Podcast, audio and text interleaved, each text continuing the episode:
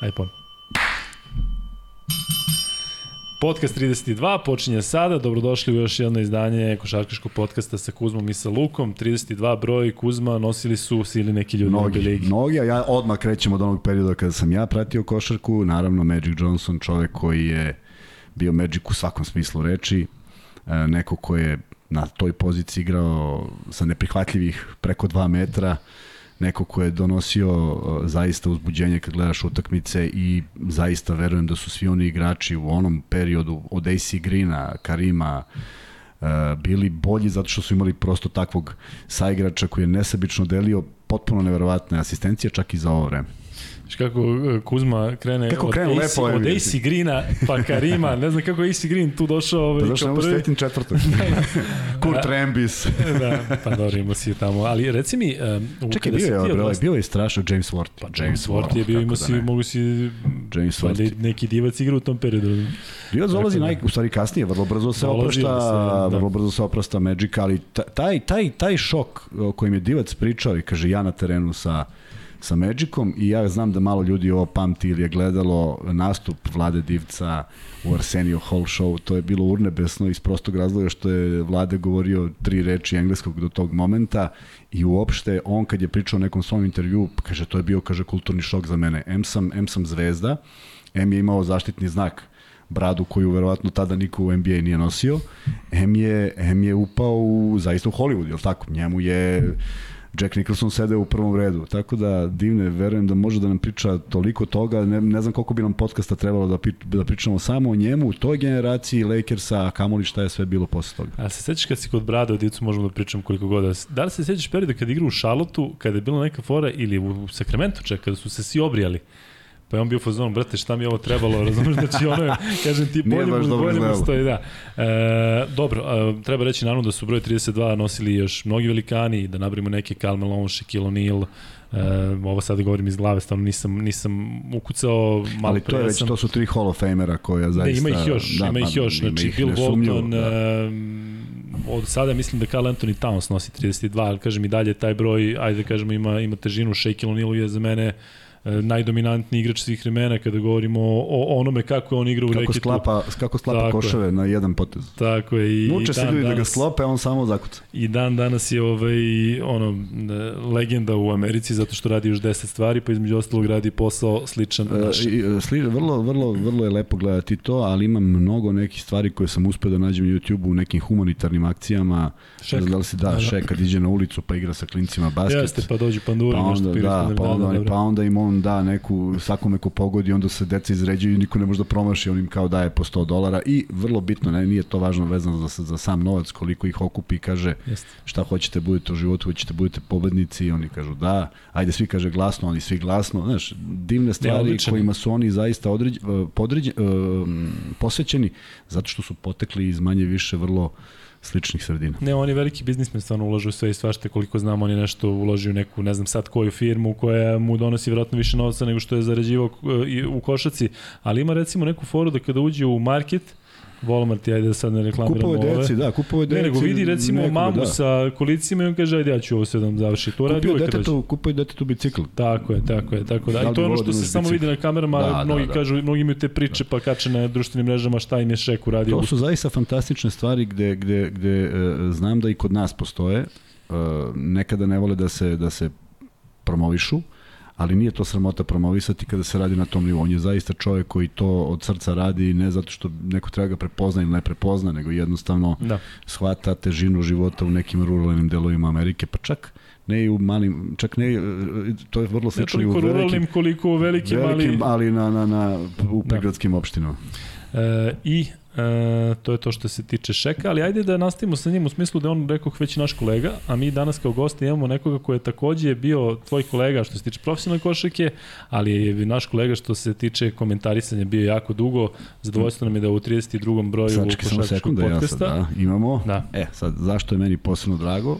Izuzetno mi je drago što je Nikola Lončar nas gost iz mnogo stvari. E, video sam ga pre neki dan i kad sam ga video, prosto mi uopšte nije prošlo kroz glavu dok nisam došao kući, supruga rekla, pa što nisi, nazvao sam ga u sekundi, prihvatio je poziv, a jedna od najdržih stvari i verujem da se on toga seća, o tome ćemo pričati kasnije kroz emisiju, Igrao je za Partizan, igrao sam za OKK Beograd. To su bila tada dva ranga takmičenja.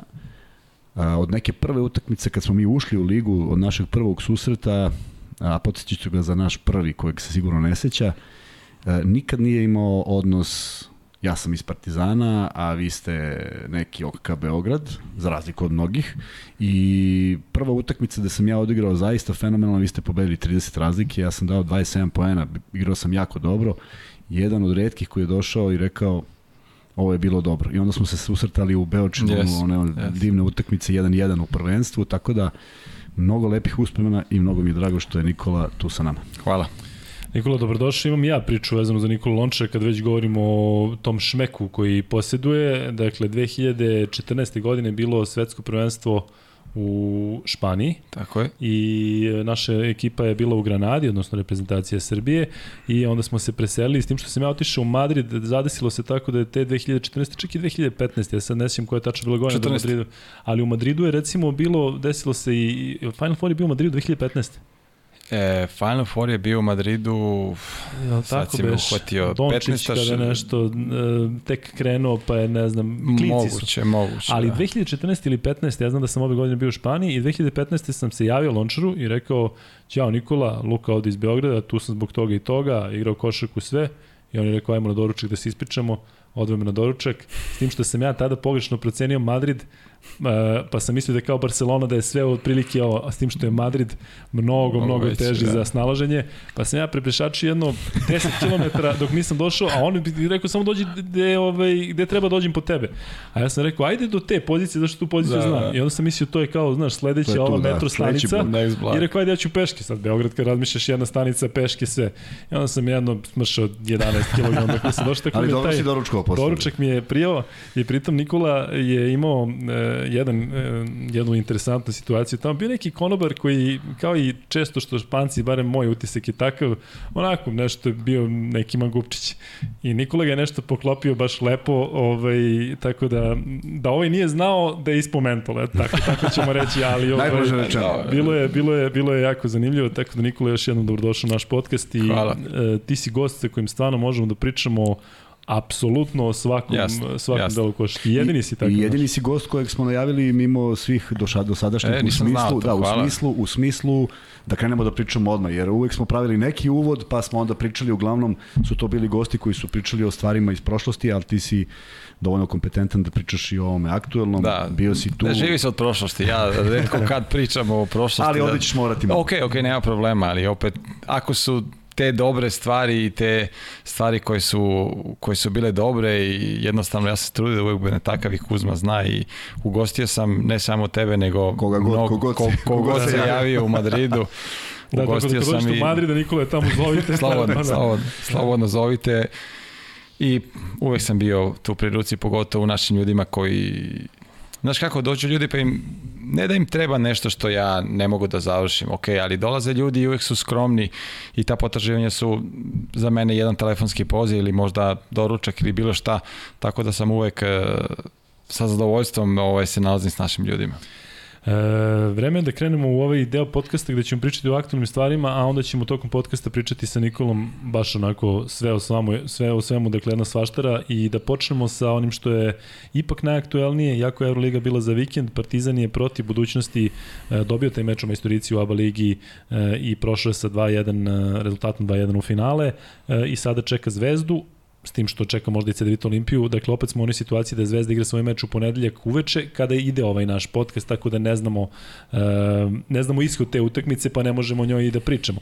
Ali Kuzma, samo bih počeo sa tobom da mi kažeš, uh, otprilike smo ja i ti ovo najavljivali sve vreme da je Partizan favorit, da. da eventualno mogu da budu tri utakmice i to su te tri utakmice i to je to. Desilo se da i ovde zaista jedan, jedan tim je postavio na parketu, igrali su majestralno od samog početka, ušli u jedan fantastičan šut, što nije bilo nešto što ih je krasilo tokom cele sezone, ali ovo je bilo na 50% šuta za tri.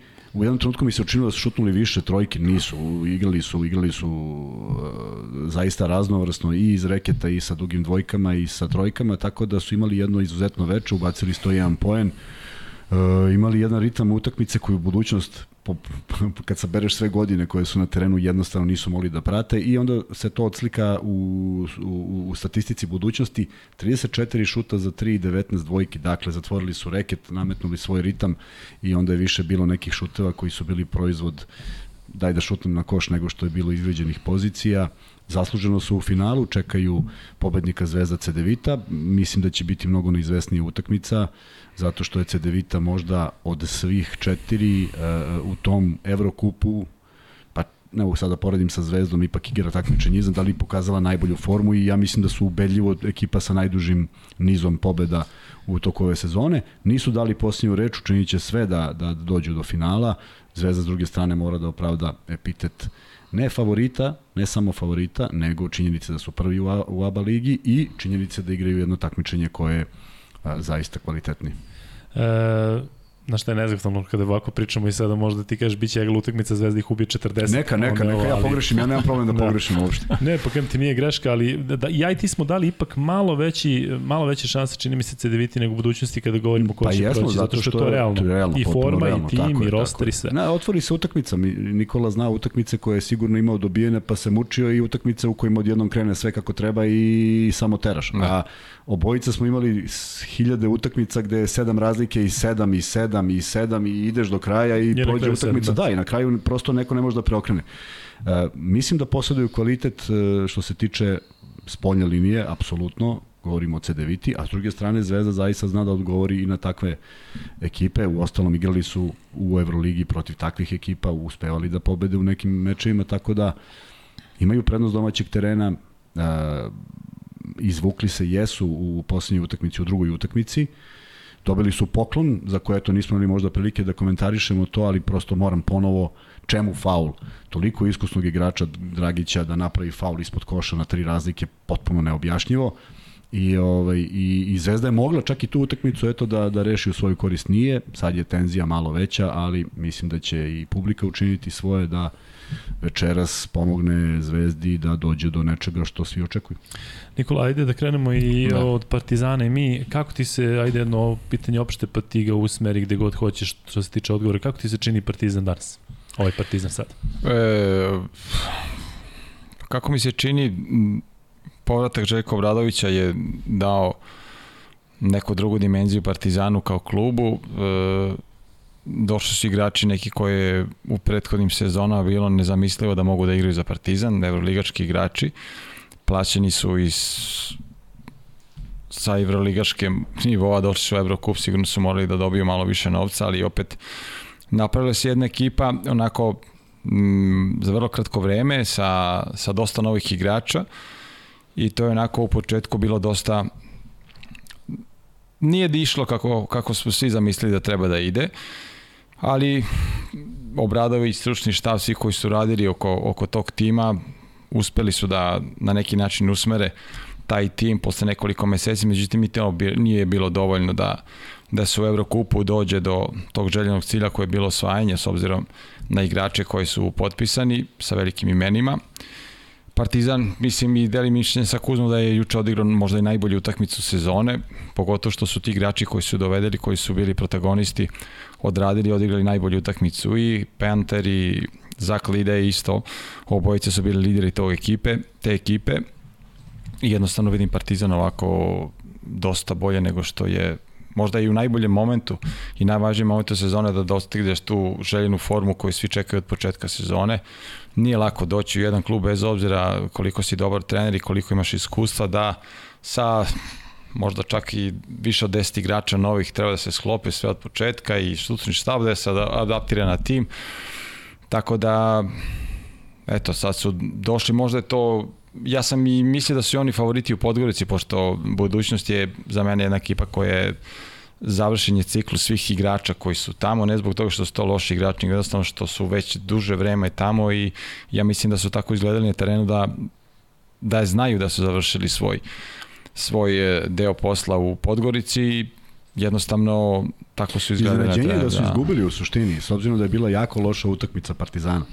E, svi Jest. su videli, svi su videli da da nekako energetski od početka nije to krenulo kako treba. A vidi se po igri, po igri tako, vidi se u, tako. po igri, znači body language je bio onako da. komunikacija igrača je bila ovako na dosta nekom nivou i starije dosta ekipa, jednostavno po meni nije bila dobra sezona za budućnost, bez obzira na, na velika imena koji su došla, možda su ta velika imena i, i u nekom, nekom završnoj fazi svoje karijere, ali opet e, kvalitet igrača, međutim nismo mogli da isparte taj ritam, e, dve, tri utakmice nedeljno putovanja, te sve preventivne mere u početku su bile oko COVID-a, ključ je bio po meni povreda ili taj nesrećni slučaj Danila koji, Nikolića koji se vratio i počeo je da igra, to je najbolja vest za mene, za, za njih.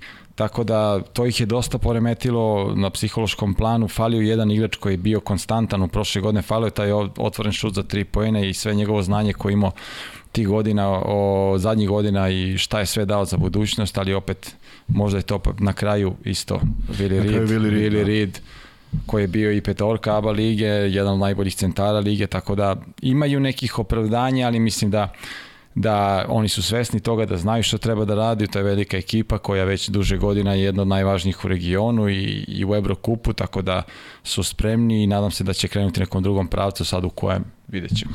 Evo to kod Danilo Nikolić je u stvari najbitnije. Dakle, znamo kako je počela sezona kada se nije znalo šta je, kako je, kada je bilo stvarno stani pani i neko mi deluje da su onda igrali onako ajde za njega da je ovo, i onda u jednom trenutku sećaš se u Evrokupu, baš smo pričali je, e, je, jednostavno to palo i ti znaš najbolje zato što si bio dole a i pričali smo ja ti o tome. Meni deluje da se nekako dole sve ispucalo i da je ta sezona, recimo Evroligaška, nije bila onakva kako su, kako su očekivali, znamo kako su došli do Evroligi i šta se sve desilo i ta sezona budućnosti u Evroligi nije bila uopšte za, za neko pamćenje i nekako mi deluje da je, je i čak publika nekako da, da su se zasitili.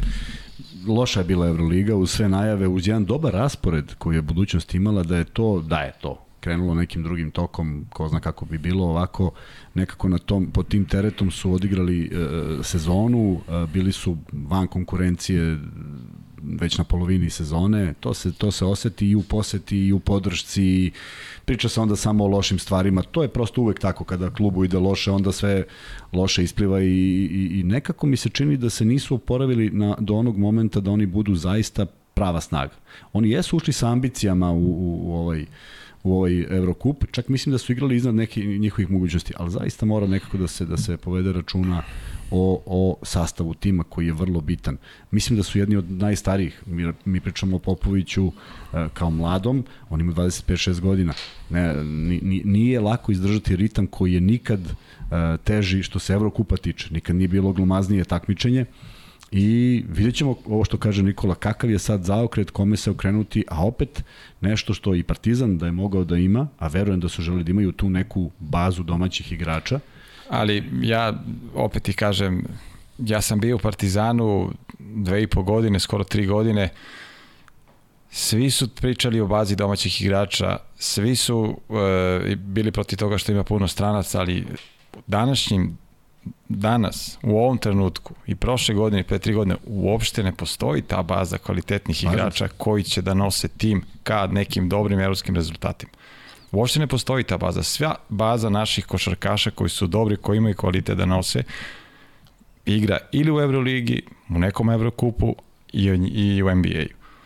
Jednostavno, uopšte nije pitanje uh, svi hoće da bude baza mladih igrača i generalno i, i generacija igrača iz Real Madrida španski koji se završava. I oni imaju problem da nađu zamenu za Sergio Ljula, za Rudi Fernandez, za Felipe Reyes. Evo, Sergio Rodriguez možda se vrati iz Milana, možda se vrati u, u Madrid, ali opet sve su to igrači, igrači, istrošeni igrači. Da. Videli smo da Real Madrid u zadnjih nekoliko minuta ili zadnju četvrtinu više nema rešenja zbog fizičkog dela. Tako da, ispovređene, istrošeni, mnogo je utakmica, mnogo je svega, kalendar je uništio sve, celu košarku i i takmičenja koje su, više ne znamo kad se koji, da, kad da, ko da, igre, ništa. kojim danom se igra. Mislim, to je stvarno jedan haos koji, koji je ostavio velikog traga prvo na tu bazu domaćih košarkaša. U svakoj zemlji, ne samo kod nas, svuda je problem baza domaćih košarkaša. Koliko je postao, treba da napravimo koliko je postao uh, Amerikanac u Euroligi. Veliki broj. O, Samo Jadransko je bilo 52 prošle godine. Samo u Jadranskoj ligi, ali u Euroligi je, mislim da je dosta veći. Moguće. Napravit ćemo analizu. A, E, doći ćemo čak i do tog momenta kada ćemo pričati o mladim igračima baš kroz onaj Next Generation Adidas tournament koji je održan u Beogradu um, u sklopu Final Fora, ali hajde da se zadržimo samo još malo na Partizanu. Nikola, E, jako još uvek ne znamo da li Partizan igra protiv Zvezde u ABA ligi. E, meni zvuči nevjerojatno podatak da Partizan 9 godina nije igrao final da, ABA ligi. Dakle, ja to znam. Jeste, znači, da. nije to za mene da. sada i ali neka kad ga neko izbaci, ali kad, znaš, kada sad čuješ, preko, da li, da, da pogledam na Google da li je tačno, e, kakve su šanse Partizana u, u ABA ligi u finalu? ajde da kažemo u slučaju da igra protiv Zvezde i da li je recimo ovo um, taj plasman u finale, da li je to možda neki krupan stepenik i preduslov za za to neko drugo mesto u Euroligi, zato što ne vjerujem da je Partizan izgubio juče od budućnosti, recimo. Da li bi on bio pozvan u, u Euroligu kao drugi, drugi predstavnik? Uh, vidi, Euroliga funkcioniše da wild card se daje bilo kome. Tako je, znači, ali, ali da, da li ovo ipak preduslov da oni mogu da kažu pa dobro, ipak je to drugi tim iz ABA lige, drugi ja tim iz ABA da u tom, da, da ja mislim da u tom naboju jesu odigrali, zato što je to negde, uh, ja, ja sam se potajno nadao da ono što je najavio Partizan finale Evrokupa. Ja sam se potajno nadao da čak i ako se desi da uđu u finale, pa izgube, imaju tu težinu da kažu, ej, ali došli smo do finala, pa smo negde glavni kandidati za wild card. Opet je to izbor, izbor borda Evrolige, Meni se to ne dopada, ne vezano za Partizan, želeo bih da Partizan i Zvezda budu u Euroligi, da se razumemo, odavno mi je to neki, da. nek, neka želja. Ali to je jednostavno onda samo stvar ko, ko, ko, ko ima bolju konekciju ili koga će da promovišu. Videli smo kako je neuspelo neuspela promocija Daruša Fake, bila najavljanje projekat četiri godine, blat, trener i sve to, ugasilo se za jednu godinu. Nisu to rešenja ako nemaju, nemaju nekakvu utemeljenost u sportskim rezultatima, jer mi stalno pričamo o Ligi šampiona u futbalu. To su prvoplasirani klubovi.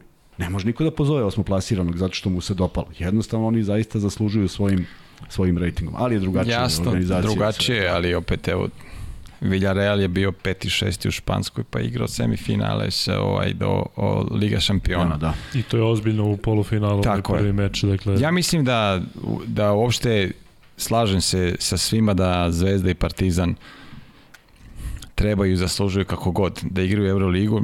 Mislim da je to uopšte nije diskutabilno i svi mislimo tako i svi želimo tako i to je onako kako svi vidimo košarku. Međutim, da li su obe ekipe spremne Zašto da igraju Euroligu?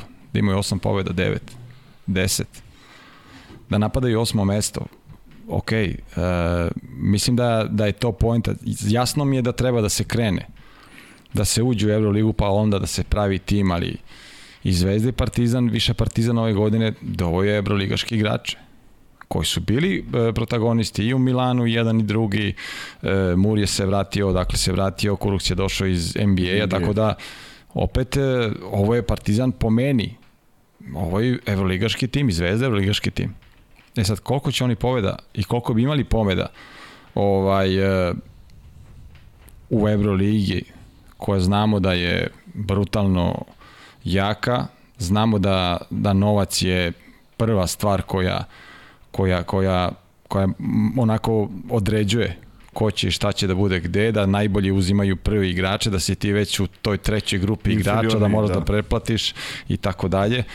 Jednostavno, izgubiš od, od, od, bursa, od burse u prvom ovaj meču, to se ne gleda. Ja mislim što smo se što ste pričali pričali o tome da je Partizan izgubio, ja mislim da se to ne gleda uopšte.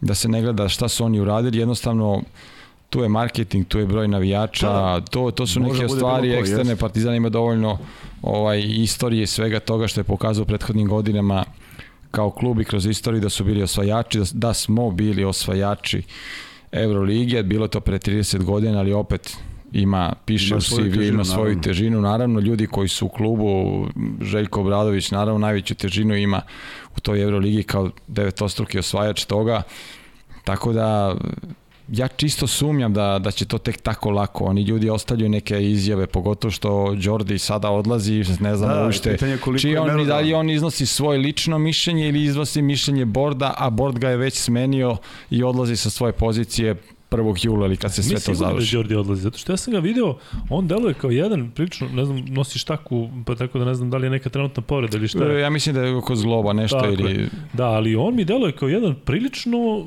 onako ispunjen, zadovoljan lik, da li zato što možda završava svoje, ili mislim on da je to, 100%... I, mislim da je i to marketing, što se njegova šta sad da uđe, da, da počne Ali drame. lepo si rekao, on stvarno priča tako je, kao da tako je. Ilija, se ništa Ilija ne dešava. Kovačić, naš kolega, je bio prisutan tim nekim njegovim sastancima i kaže on potpuno čovjek nastupa, jer on do tada jeste nemamo najavu nekog drugog. Ne postoji drugi još uvek određen i on čovjek se ponaša, došao na, na spektakularnu završnicu sezone, naravno sa punim pravom se ponaša kao čovjek. Ali, ali Nikola je u pravu. Koliko, sve koliko izjave su, sve izjave su... Može ovako ovaj, se shvati, može tako onako. Je. Da, da, da. Ja, ja znam njega iz Španije još i kad je radio i pre Evrolige kad je radio, on je bio u košarkaškom svetu. E, I tad je davo slično. Tad je, na, nikad nije rekao ništa konkretno dok se ne dođe trenutak za to, jer mislim da on ne može ništa da konkretno, on mora da pita vlasnike Evrolige tih ekipa, pa se igle na glasanje i tako dalje.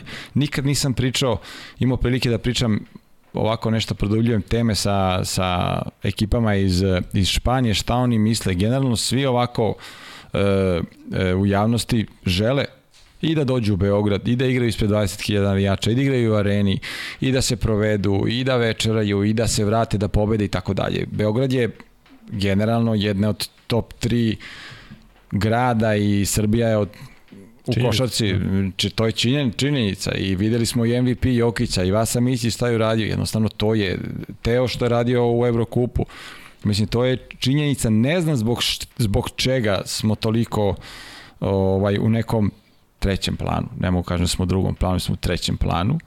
Ovaj, ne znam zbog čega, ali opet e, drago mi je što ima dosta ljudi ko, kojima je stalo i u Zvezdi i u Partizanu, rade sve od sebe i, i daju sve od sebe da, da urade sve, da ispune te uslove i Evrolige koje se svake godine menjaju, danas sad će biti 7 miliona budžet, pa, pa ne znam ja tako dalje, da. pa, su, pa, pa palo na 5, pa će opet da se vrati na 7. Tako da su to možda neki uslovi koji, koji smetaju nama ovde iz ovog regiona, ali s druge strane mislim da, da svi ti bogati klubovi koji su vlasnici tih licenca, a da oni određuju manje više prema njima kako kome šta, šta i gde, da. kome šta više odgovara. Druga stvar, treba da računa, na primjer, da španski timovi, ok, naši timovi igraba ligu koja je neviđeno jaka. Španci igraju ACB ligu, Ko je najjače u Evropi. Ko je najjače u Evropi. Ubedljivo. I oni su, i, i Madrid, i Barcelona, i vidi Baskoni ove godine. Ne može da ispati. Izgube od Manrese, izgube od Ubreo, ode u Lugo, izgube od Breogana i A, tako dalje. A primjer je najbolji Andora. Andora koji je igrao polufinala Evrokupa. Tako je. Ispada, je, da, ispada iz lige. Burgos koji je osvojio dve godine zadnju ovu FIBA Champions League ispoje i on jedino čuvena Funa Brada stalno preživljava ovaj, to u zadnjim, u zadnjim ovaj, u zadnjim utakmicama, tako što je nama partizanovicima veoma drago. Da, da, da. da. E, hajde da pređemo onda na Euroligu, konkretno na ovaj Final Four koji se završio. Mi smo u našem prošlom podcastu obradili, ajde da kažem, te polufinalne meče, možda je daleko da se vraćamo na to, ali ta finalna utakmica, znamo koliko poznaješ Madrid, Real kao ekipu, koliko si e, proveo tamo vremena u svakom, u svakom pogledu. E, da li je za tebe iznenađenje ta pobeda Efesa i sve što se desilo? U jednom trutku si pomenuo tu završnicu, ali da li je ovo bila prilika da Real po, e, sa ovakvim timom, sa tim imenima, e, ponovi ono iz 2018? Pa bila je velika prilika. Imali su veliku priliku i jednostavno imao sam priliku da budem sa njima u hotelu na dan utakmice. Jednostavno bili su optimisti manje više svi, međutim opet s druge strane Efes je wow, jedna od najboljih, ne od najboljih, nego po imenima ja mislim da je trenutno zajedno sa Barcelonom naj, najbolja ekipa napravljena u odnosu na ono što se traži u Euroligi, ovaj dugačka rotacija sa svim igračima, redko kad se pad doživi pad u igri zato što je neko došao sa klupe, neko je otišao na klupu, ok, Micić i Larkin su uh, ozbiljni strelci, ozbiljni napadači, među svi ti koji dolaze nisu tako dobri kao oni, ali su mnogo bolji odbrveni igrači, tako da prave neki balans koji održava taj rezultat u igri tokom 40 minuta i to se pokazalo na ovom na ovom Final Fouru, bez obzira što su oni imali problema tokom sezone, bez obzira što su bili deseti, što su možda i odigrali taj zadnji deo, 7-8 kola pobedili i onda su se stavili u poziciju da mogu da budu top 8, pa su onda pobedili u Milanu. Tu nisam imao kao i ti, verovatno nikak sumio da će oni da, da uđu u Final Four, isto sam ovaj, očekivao da, da osvoje, nisam rač, računao na Barcelonu, pošto Barcelona je došla onako u nekom malom padu, oni treba da igraju fenomenalno da bi, da bi mleli, jer oni u utakmicama koji su na 2-3 poena onako ne zbog nedostatka iskustva, nego zbog nekih drugih stvari. Tako je vođena ekipa. Više se komotno osjećaju i pobeđuju kad imaju veću razliku i kad završavaju te utakmice pre vremena i onda jednostavno druga ekipa se preda. preda. Ali ovaj e, Real je ekipa isto u godinama. Tu samo ima nekoliko, u stvari, mm, Teško da je te, pronaći teško, Gazi, eventualno da, uopšte nije da, jednostavno ovo što protiv Barcelone bi je bila dobra utakmica njihova, Barcelona je odigrala loše, mislim da je i, i bila vođena loše ovaj, ako mogu sebi da, da dozvolim da napravim neki, neki komentar na tu temu. Nisam trener, ali s moje ta, tačke gledišta mislim da je dosta to moglo bolje, pogotovo u kraju, na kraju utakmice Barcelona i fizički spremnija i ima više kvaliteta ovaj i veću rotaciju. Izvini, naravno da može, pa mi smo ovde pričali o tome kako Jaskevičius pravi neke možda greške, tako da ovde sve može, tako, ja, a pritom smo i mi tu već temu povukli. Tako ali da. ja mislim da je on bi... nema, koji je bio bitan faktor u celoj Euroligi, tokom cele Euroligi, Kjurika nije bilo. Šmic, ne znam da li je povređen ili dobio minutažu. Ne, Šmic, pa Šmic je igrao, pa, pa igrao je, nije dobio minutažu. Jednostavno, da, on, se opredelio za jedne, on se, on se opredelio za rotaciju Tako. i za igrače koji će igrati ovaj, uh, koji će igrati tu utakmicu. Mislim, uh, ja mislim da je bio van rotacije, ja koliko znam. Ovaj, ali jednostavno... Ali to su čudne stvari u odnosu na celu sezonu. Da, ali opet... Jer su korišćeni. Ali izvini, ali Real je to recimo napravio na vreme sa RTL-om i sa Tompkinsom u smislu da, rez, pred, da ti nemaš da. te šokove baš pred sam Final Four. Oni su napravili rez koji im je dao, bukvalno su počistili Tako. Makabi sa tim nekim ajde promenama u timu koji su možda neočekivan. Ali što se tiče Barcelone, da li je možda to primer, ajde da se držimo kratko na njima, da ipak novac ne donosi ne donosi uspeh. To imamo primer u košaci na svakom ne. koreku. Da, pa ne donosi, nije ga, garancija. Nije garancija, ali je jedna od najvažnijih stvari u svemu, jer opet kako ti kažem, ništa nije u košarci i u sportu ništa nije garantovano. I što se tiče novca, što se tiče stručnog štaba igrača, svega, to mora sve da se sklopi u pravo vreme i da se, da se gađa. Vidite, evo primjer, klasičan je primjer bursa. E, coach je pogodio u pravom trenutku taj, tu formu gde su oni bukvalno preletali preko svih i došli do finala Eurokonje. Znači on je, dalje on tempirao tako, dalje je pričao sa svojim saradnicima, kondicioni trener, da su oni izgledali kao najsvežija da, ekipa. One je nevjerovatno kako su, su gazili su. Igrali su odbranu, što je najvažnije. Onda su imali dozu ono samopouzdanja neverovatno. Pogađali su neke šuteve Ja ih nisam gledao tokom godine, kroz statistiku sam ih platio, možda zbog uh, Alempevi sam pogledao neki highlights da vidim kako igra, čisto zašto su bili protivnici Partizana, jednostavno oni su pregazili sve. I fizički, tehnički, taktički, svako je dao svoj maksimum u tih tri nedelje, tako? Bukvalno u tih tri nedelje dali su i onda su nastavili tu seriju ovaj, u Turskoj i ušli su u play-off i tako dalje i tako dalje. Jednostavno, treba da se pogodi, to je ozbiljan posao, e, pogotovo u Barceloni, Real Madridu, u Euroligi, svuda gdje je veliki novac u igri, to je ozbiljan posao. I po neki put ovaj, e, se promaši. Barcelona je prošle godine izgubila od Efesa, ove godine opet izgubila, znači kod njih nema panike, kod njih nema otkaza, nema pretnji, nema, jednostavno su nezdovoljni, ali opet mislim da su dali sve od sebe, ali te greške koje je napravio trener i neki igrači, to se podrazumevaju kao sastavni deo posla. Ja. Izvini Nikola, ja sam uh, komentarisao bursu mislim najviše ove sezone. Dakle, kad god izađe plan u turskom prvenstvu, to je bursa u Evrokupu isto. Ja recimo nisam primetio to kod njih što ti kažeš, što si samo gledao highlighte, da se oni ističu po nečemu. Dakle, to je jedan lepo sklopljen tim Jest. koji možda Jest. ima domet u Evrokupu, prvo kolo, da eventualno uđe u play-off. Stvarno se sve sklopilo. Nekoga mi je dalo da tim dolaskom Johna Hollanda je baš to bila ta kockica koja nedostaje. Da. On je veliki igrač, evroligaški Jest. igrač. Pričamo o evroligaškim igračima koji su došli, ali on došao i sa svojim karakterom i sa pristupom.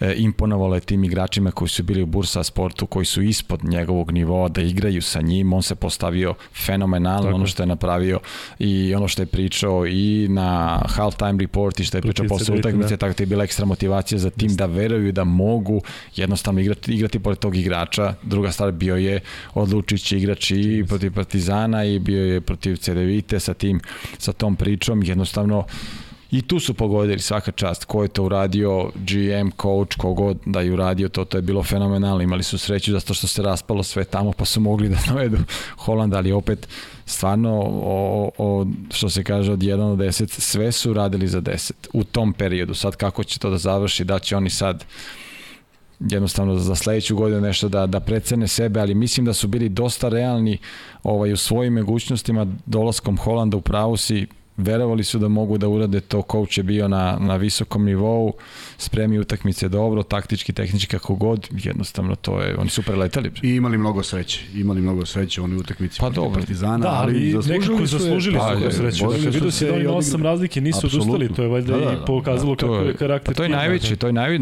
to je najviše što, što ti kažeš, to je najbolje što, što nisu uopšte odustali. Da. Jednostavno ti imaš izgubljenu utakmicu. Da izgledno utakmice i pobedi. Isti stav, isti da. stav. Niko nije, kao što su digao ruke, tako. kao što su ovde se radovali, oni nisu bili pa ne, mi ovo možemo da vratimo. Imam sada pitanje o Bojcu, a baš ovo što je Nikola, uh, Nikola uh, spomenuo oko Holanda, uh, što smo pričali da on takve kockice koje nedostaje, samo ti molim te prokomentariš za Zvezdu, zato što si najviše Zvezdu radio u Euroligi ove sezone, ali ja i ti smo pričali kod naših pokaca, pa posle, posle može Nikola za Partizan. Da li je možda trebalo da se, da se dovede neko pojačanje uh, tokom sezone u Zvezdi i Partizanu. Posle Nikola za Partizan, ali da li, evo, za Bursu je to baš bila ta, s tim što su oni naravno ostali bez Frimena, ostali bez Brauna, ostali bez Milosavljevića, pa se podrazumevalo da moraš da dovedeš nekoga da nadomestiš. Povredio se Gečim, mnogo tu stvari ima koje su ovo. Ali da li je Zvezdi bilo potrebno, mi smo stalno pominjali Johna Browna i došli do njegova agenta i čuli da za Johna Browna je neverovatno interesovanje za sledeću sezonu, da ono samo odrađuje ovo sa Brešom. Da li je možda to nešto što je što je trebalo? Znaš šta, ja želim da verujem da postoje ljudi koji to prate i u Zvezdi i u Partizanu, koji znaju svoj posao i a, ne znamo stanje na, na tržištu. Ne znamo šta je to što se nudi na pozicijama koje su na neki način Izvini, ali znamo se da se u Rusiji sve raspalo i da se mnogo igrača, ne mogu da kažem nudilo, ali da se pojavilo mimo mimo bilo da kakvog...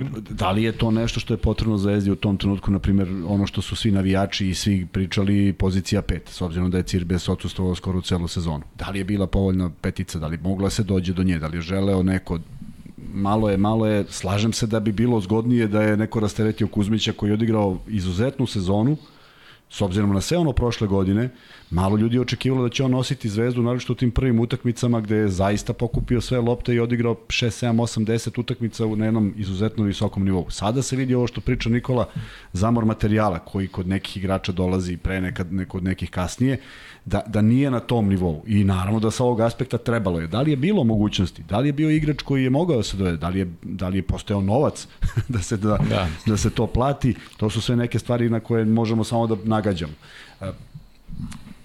Lesor je došao u momentu kada je bila priča da će, da će preći u zvezdu. Pa nije. Verovatno možda iz razloga da što je bio u zvezdi, možda zato što ko, ko zna koji su ti, ti razlozi. Ali otišao se u drugom pravcu i sad se snosi, što kaže Nikola, nema, ne, ne treba bude neke tenzije velike, sad se snose odgovornost za to sve u kraju se, na kraju sezone i da vidi da se vidi da li će jedni i drugi ostvariti one rezultate koje su zacrtali. Da, zato pričam to, zato što u ABA ligi će možda taj jedan igrač da napravi razliku. Ti možda delovalo da, da je Partizanu potreban taj još neko sad ovakvom timu, zato što su oni dobili 10 mm. novih igrača u off sezoni, dobro, Tristan je došao kad je već počela sezona. A, tako. Ali niko nije očekivao Kuruca na ovom nivou. Ne, znači, on je probran, ne. izabran, o, govorimo o ljudima koji su se time bavili. E, očekivali su zato, mnogo više. Zato što Kuruc, Dangubić, Zagorac, mi možemo sada, pa čak i Trifunović, pa čak možda i ljudi govori o tom Dallasu Moru. Dakle, bilo je tu, e, da kažeš, e, razloga da, da očekivao si neko nešto i nije se desilo. Da li je trebalo da nadomestiš... Te, I mnogo tome? bolje, mnogo bolje Nikola zna tu priču ne za, za same ove igrače, nego s obzirom da je bio na poziciji kada zna kako te stvari funkcionišu. Ja prosto mogu samo da ih da, nagađam. Pa, kako je, je ti delo e, da fali? Pa znaš šta, ja mislim da Zvezda u situaciji je bila, nije se, kad je trebalo Zvezdi da se dovede igrači, kad su oni, da li su planirali, nisu, ja to ne znam, ali pošto svi pričali, to je poziciji 5, da se tad još nije bila situacija u Rusiji. Oni su izgubili svaku nije. mogućnost da budu top 8 i onda jednostavno su odustali od toga. Da su hteli, da li su mogli da dovedu igrača za ABA ligu, to je sad ovo je neka druga stvar i ne bi ulazio u to zato što oni godinama rade kvalitetno i to se vidi na, na terenu.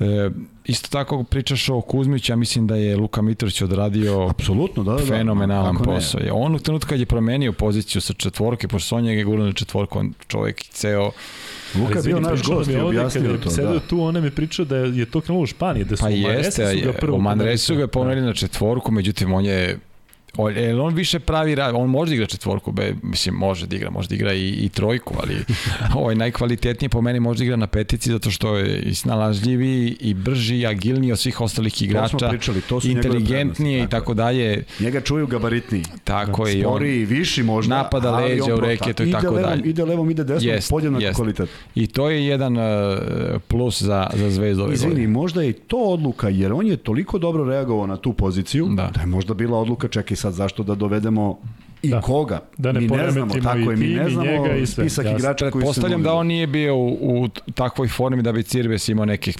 moguće za 5-10 minuta Moguće, i tako dalje, ali opet što se tiče Partizana i ja znam kad sam ja bio u Partizanu, uvek smo išli na tržište kad nam ne ide dobro, kad vidimo da u određenom trenutku to što smo potpisali nije dovoljno i možda je previše, ali smo opteretili budžet, pa hoćemo da nekog ne da otremo, nego da, da, da se dogovorimo, da bi dovoljili nešto što nam više treba. Jednostavno u toku sezoni, tokom leta nikad ne možeš da proceniš šta je 100% treba tim. U odnosu na to, igrači koji su imali prethodnu sezonu dobro da li će oni u drugom ambijentu, u drugom timu da naprave ovaj e, da dođu u situaciju da igraju tako dobro, a nama bi odgovaralo da igraju i bolje. Tako da e, u pripremnom periodu uvek se ostavi možda mesto dva u, u budžetu za, za dovođenje nekih igrača, da li to zbog povrede, da li zbog pojačanja na određenim pozicijama. I mi jasno vidimo i videli smo gde smo drobili, gde smo jaki, gde trener vidi naš, našu igru, da li iz polja, da li unutra, da li na, na obe pozicije, tako da jednostavno bilo je teško da Partizan pravi dosta promjena tokom sezone, s obzirom da su doveli ne znam ja koliko igrača na početku sezone i oni su došli sa različitih strana, tako da bilo je u početku mislim da je bio prioritet da se uklope i da krenu da rade kroz pripreme kod pripreme utakmice, imali su kvalitetne turnire, međutim nijednog trenutka do ove utakmice, možda i par utakmica ove sezone su odigrali na očekivanom nivou.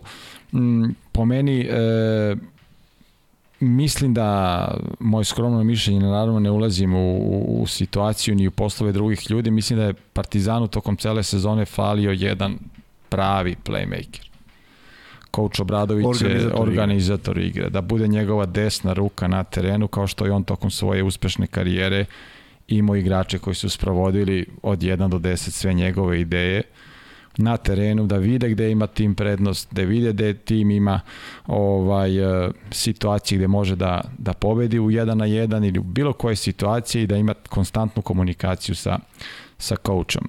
E, izvini, Lavramović trebalo da bude taj neko?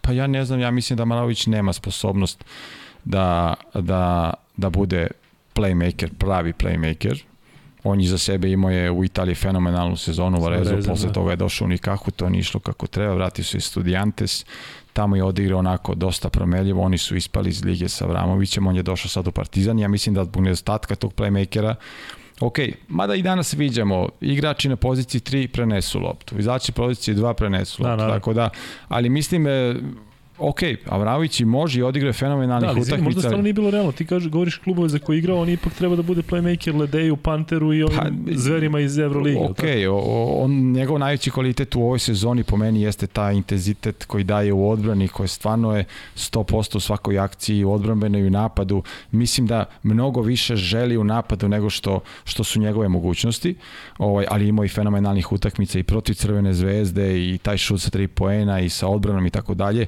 Naravno, kao i svaki, svaki igrač, ne samo u Partizanu, nego svuda ima i loših utakmica, ali opet mislim da je on možda više koristi na nekoj drugoj poziciji, što se, što se mene tiče. Ne, ne ulazim uopšte kako, kakav je plan za njega i mislim da je to jedino što, što je možda mogao Partizan da uradi nekog odličnog playmakera, nekog ko ima iskustva, bilo bi lakše i u tim utakmicama, tim momentima na, na kraju da se ipak, Madar je došao ipak super sezona u Izraelu, međutim 2000. godište, neiskustvo i opet s druge strane znamo da coach Obradović je mnogo zahtevan trener. Ne samo na utakmicama, nego i na, i na, i na treninzima i znamo sa kim igra, s kojim je igračima radio, svi znamo super njegove uspehe, ali opet e, mislim da je njegova desna ruka u ovom trenutku možda mogao da bude neki playmaker prve klase, i za to se imao novac, pretpostavljam. Ovaj, i da se odatle krene ka dalje. Sve ostalo što su radilo, ok, to je sve od Kurukca, jednostavno on je imao i u NBA-u nekih problema i, i neke nestabilnosti i u ličnom životu i na terenu i van terena, tako da ovo, ja iskreno nisam puno očekivao od njega. E, Mur je došao, ja mislim da je došao iz Kine, bio je odličan skore i na nekim utakmice pokazao da može da reši utakmicu, dosta je hrabar i taj šut je fenomenalan.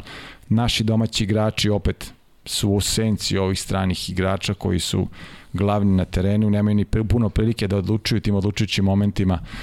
Nije isto kad si naviknut u situacijama da možeš da, da odlučiš i da imaš iza tebe neki staž u odlučivanju u zadnjim trenucima utakmice, nego da moraš od jedan put da ti budeš taj koji ćeš da odluči tako neke stvari ali opet nije to generalno za Partizan, to je generalno za sve za sve ovaj timove i za celu košarku. Tako da eto opet ostajem sa tim da fenomenalan Koprivica stvarno ja sam gledao na Summer Ligi malo je igrao, međutim pratio sam ga i kroz high school, pratio sam ga i na, na Floridi, gore Florida State kad je bio stvarno može i još da napreduje. Smajlegić opet krenuo je super. Povreda ga je omela. Da, povreda ga je omela, ipak kad se pogleda malo, ok, ta cela ekipa je osmišljena dobro, znači uz te asove koji su ovaj, iz Evrolige dovedeni da stasavaju ti mlađi momci, da će jednom ovaj, opet da se napravi taj jedan stabilan evroligaški tim u nekoj skorijoj budućnosti. Ja mislim da nema tu vremena da se čeka sad nešto 4-5 godina da sazri oni. Znaš, ali, samo danas. Da, samo danas, da. možda sutra malo opet sledeća sezona, ali opet to je sve onako lepo upakovano sa, sa dosta novca kao nikad do sada. Ja sam radio sa tre, tri puta manjim budžetom, ali opet situacije se promenili i naravno dolazak Obradovića zahteva i, promenio, i, i promenio sve, sve, tako da je to sve zasluženo naravno. Vidiš, mi nismo da možda pominjali toliko Jama Madara koliko je trebalo, ali ajde da se zadržimo malo na njemu. Da li je to možda bila, ajde da kažemo, prevelika kocka za Partizan? Zato što taj momak je i dok je igrao u Hapalu iz Tel Aviva, videlo se da on ipak ima taj neki uh, flip u glavi da može da odjednom da. napravi drugo. Oni, znamo da je odigrao Summer League za Boston Celtics. Gledao sam ga i znamo da, da ipak glava tamo, je li tako? Dakle, da, njega da. prebaciti na Euroligu i na ABA ligu i da sve da ovde je ipak verovatno samo za jednu ili za dve sezone, zato što zna da je on, da je on pokidao, verovatno bio i sledeće godine da. išao u Celtics. On je draftan pre dve godine, kad da. je bilo ono online, kad je bio draft. Ja sam gledao ovog leta, prošlog leta na, na Summer ligi, on je bio jedan igrač više. Normalno, bili su tu i Pritchard koji sad je rotacija i tako dalje, neki igrači koji su ispred njega i za njega je bilo fenomenalno što je odlučio da dođe u Partizan veliki klub sa velikim trenerom, na veliku scenu i da unapredi sebe kao igrača, ali i prema NBA-u. Ako je, jednostavno, tamo ne može se igra ako se ne igra odbrana. I više puta je ovog, ove godine bio zamijen zbog nekih odvrbenih e, nedostataka i nekih zahteva koji nije ispunio od strane trenera. Izuzetno je talentovan igrač, izuzetno vidi igru. Mislim da više vidi igru za sebe nego za druge igrače. Da li on to ne vidi ili ili ne može ili da ne može da vidi ili neće da vidi, to je sad stvar za, za ljude koji su svaki dan sa njim, ja to sa strane ne mogu da vidim. Tako da pričao sam i sa, sa ljudima s kojima radim i tako dalje, znaju ga dobro, znaju ga bolje od mene, neveđen kapacitet i talenat i vidimo u igri 1 na 1, međutim očigledno nestatak fizičkih sposobnosti da odigre 1 na 1, da brani nekog playmakera na donjem postu i tako dalje. Ti nedostaci su odlično pokriveni u Partizanu sa sa taktičkim delom koji odredi stručni štab i, i, i Željko. Jednostavno vidi se da u nekim situacijama sklone ga u ćoše da brani nekog šutera koji nije dominantan na lopti i tako dalje. Mislim da bolje brani neke situacije kad je od lopte nego kad je na lopti, jer kad je na lopti jednostavno konstantno ga napadaju. E, da se vratimo onda još malo na Euroligu, samo da, da prokomentarišeš, pričao si o finalu, pričao si o Efesu, ali ajde da se zadržimo zato što mislim da zaslužuje Vasa Micić, ali iz ugla nekoga koji u svojoj karijeri pogađaju jako bitne šuteve. Dakle, onaj njegov šut u polu, polufinalu je uh, ipak nešto što će, ajde da kažemo, ostati zapamćeno sa ovog Final Fora.